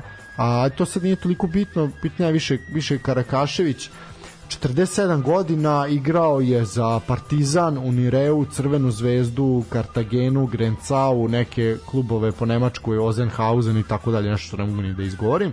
Na našu e, državu predstavljao je na olimpijskim igrama 2004. 2008. 2012. i 2016. A, I bilo je čudno kad ga nije bilo. Bilo je čudno kad ga nije bilo, da, a sad kaže da je najviše žalio zbog propuštene prilike da upravo tim u Atini 2004. sa Slobodanom Grujićem ovaj i u ekipnim tim prvenstvima koje su se igrale što nije ovaj došao došao do uspeha a, kaže da mu je najdraža medalja na evropskom prvenstvu zatim a, prvo zlato ovaj za Srbiju 2007. godine i tako dalje i tako dalje. Inače, on je predsednik Stonoteniskog saveza Srbije 2017. godine, tako da, mislim, ne, ko će da bude drugi? Ima li uopšte da pitanja nekog? Jednostavno dovoljno velika figura za taj sport i nadam se, želimo mnogo uspeha u stvaranju nekih novih šampiona koji će uraditi nešto što on nije. Da, mislim, on je rekao da će se baviti tim veteranskim turnirima, jer jednostavno čovjek obožava taj sport i živi taj sport, ovaj, ali što se tiče treninga i tog takmičenja u toj profesionalnoj konkurenciji sa tim sa tim završava. I negde, negde je uvijek bila neka priča mislim ljudi koji su iz tog, s tog sporta i ovaj, dok sam bio ja u Mitrovici imao sam priliku da pričam s ljudima koji su zaista oba, ozbiljno bave stonim tenisom rekli su da je njegova najveća nesreća što se nije rodio 10 godina kasnije. Da se rodio 10 godina kasnije ili 15 da bi on bio najveći ikada jer je konkurencija sada u stonoteniskom sportu dosta slabija nego što je bila u periodu kad je on bio na, na svom vrhuncu. Tad si imao sulude generacionih razvijata koje nismo mogli da po, ono, koje je bilo nenormalno. Sad njih nema toliko, nema toliko kvalitetnih i on bi zaista mogao biti, mogao biti najveći. Ali za nas je svakako najveći i neko ko je obeležio zbog njega, pazi, ja ne bih znao pravila da nije Da, nije bilo njega. naravno. Znaš, to su ti ljudi koji, ne, on je stvarno i kad igra ti tu strast vidiš, znaš, i onda te on, ti moraš, ono, znaš kako to počne kod sportova koje, ne su, koje pratiš samo na olimpijskim igrama. Iako je, a ovo naša je da vidimo i onda vidiš, znaš, neku strast, pa to što, znaš, da krene da ti se dopadne i sam sport, onda mora, znaš, a kako sad, onda te podstakne da naučiš pravila, i eto, hvala Aleksandru Karakaševiću što znamo pravila stonog tenisa, što smo ga gledali i kažem, želimo mnogo uspeha da kao predsjednik Saveza, jedan sport koji nekad i donosio medalje i ima tradiciju u Srbiji, ponovo zaživi ne bi bilo Spensa u Novom Sadu da nije bilo stonoteniskog stonoteniskog prvenstva tako da to je to. Mislim, evo možemo pobrojati najveće uspehe. Ima četiri zlatne medalje na evropskom prvenstvu, ima na svetskom turu tri bronzane o to, u parovima. Aj sad ne pričam tu parovi, mešani parovi, u suštini čovjek ima, ima, ima najviše bronzanih medalja. Mediteranske igre ima dva dva zlata, srebro i bronzu, Evropski kup nacija jednu bronzu, Evropsko prvenstvo, rekao sam da ima četiri zlata, ima dva srebra, dva, četiri, še, oj, oj, ima šest, šest bronzanih medalja. Tako da ako propadne, ako eto predsednik koji se obraća nacijim trenucima dok mi se zajebamo, ovaj ne slušamo šta je se ozbiljno dešava, ako se preseku finansiranje ka ston tenisu, Karakašić može da proda bronzu i dobro će zaraditi, ovo je s obzirom da je to sad dobro kotirano. Ja, evo, ne, ali stvarno smo, ovaj, bit će nam zamreno, ovo je koji put da radimo emisiju dok se Se predsjednik... predsednik obraća, pa, pa bit će nam, Ja mislim da je da. negde treći ili četvrti, samo otkad sam ja tu. plus- dobro, jest u pravu si, da. Ali A i što bira taj ponedeljak 8 sati uveče? Mislim, prvo ima i Mario Stanić, razumeš, ono sad isto ide u tom periodu. Zašto bi rekao Anđus da ne majmunčinom čeferinom? A ne ono kao, to je mnogo jakih oko 100 sekundi u istoriji interneta ovaj, sa sa Sašom Mirkovićem koji zauzima pola studije i Anđusim koji preti da će da tuži Čeferin. Ne, to je... Da, ovaj, ne, ajde, taj, taj intervju sa Čeferinom ćemo pogledati samo zato što je prvi u tom neuspehu ovaj, prvaka, vidjet ćemo dalje ko će biti, ko će biti izbor. I Svakako nešto što treba ispratiti, što može onako biti, biti poprilično zanimljivo, ovaj, to je taj serijal sa Marijom Stanićem, da vidimo kako će to kako će to izgledati. A, što se tiče Karakašića, da, složio bi se s tom, neko ko je obeležio naše detinjstvo i te olimpijske igre koje smo pratili kao, kao klinci, neko ko nas je ono uveo u taj, u taj sport koji je ovaj manje manje praćen kod nas i zbog koga ono smo i počeli da pratimo i naučili pravila u liniji. Ovaj tako da zaista eto neka mu je i s moje strane ovaj srećna penzija, nek nek odmara, nek uživa, ne, siguran sam da će za života ono treba bude doživotni predsednik tog stolnoteniskog saveza i verujem da će učiniti mnogo više nego neki funkcioneri koji bi tu mesto, koje bi to mesto dobili. Tako da što se toga tiče ništa, sve, sve, sve najbolje. A, šta kažeš ovo za Marija Stanića? Ajde, imamo još malo vremena za ovu emisiju i to. Šta očekuješ od toga zapravo? Očekuješ išta? To je... Ništa, preterano su dobre reklame. Mislim, zaviše da gostuju, ne znam, neka... Pa da, znam se ako bude Ciro Blažević gost može biti zanimljivo. A video sam da će biti u jednoj od, pa na primjer, to može biti zanimljivo. O, s Čeferinom, Sigurno, ono, Znaš kako, m, to mi je kao Alesto podcast gledaš zbog gostiju, znaš, tako da... pa, ili Galeb. Pa, Da, isto, da. Tako, da, ali mm, s, mm, s obzirom na u odnosu, da li će biti srazmjerno reklami, srazmjerno dobro reklami i ličini reklame koje dobija svaki dan, mislim da neće. Pa dobro vidi, ozbiljna reklama, ozbiljna. On u svakoj pauzi ovaj bilo kakvom reklamnom bloku dva puta se pojavi reklama. To je ne pamtim šta se tako reklamiralo. U, Da, mislim, zato ti kažem. Da. Ove, da, stigla je slika, ovaj, totalno je blokirano. Znači, trenutno u etru u Srbiji možete da birate, gledate Vučića ili slušate nas. Treće ne postoji. Tako da, ovaj, hvala što ste izabrali da slušate sportski pozdrav večeras. Uh, definitivno smo zanimljivi i bacamo bolje fore od predsjednika. Tako da, ovaj, bili u gosti Aleksandru duši, e, do duši imamo sad sreće da Slobo nije predsednik, pa, pa i to sa forama bi bilo egal. ovaj. Da, da, dobro, dobro. Ovaj, je li bio ugostio Aleksandra Vučića u emisiji?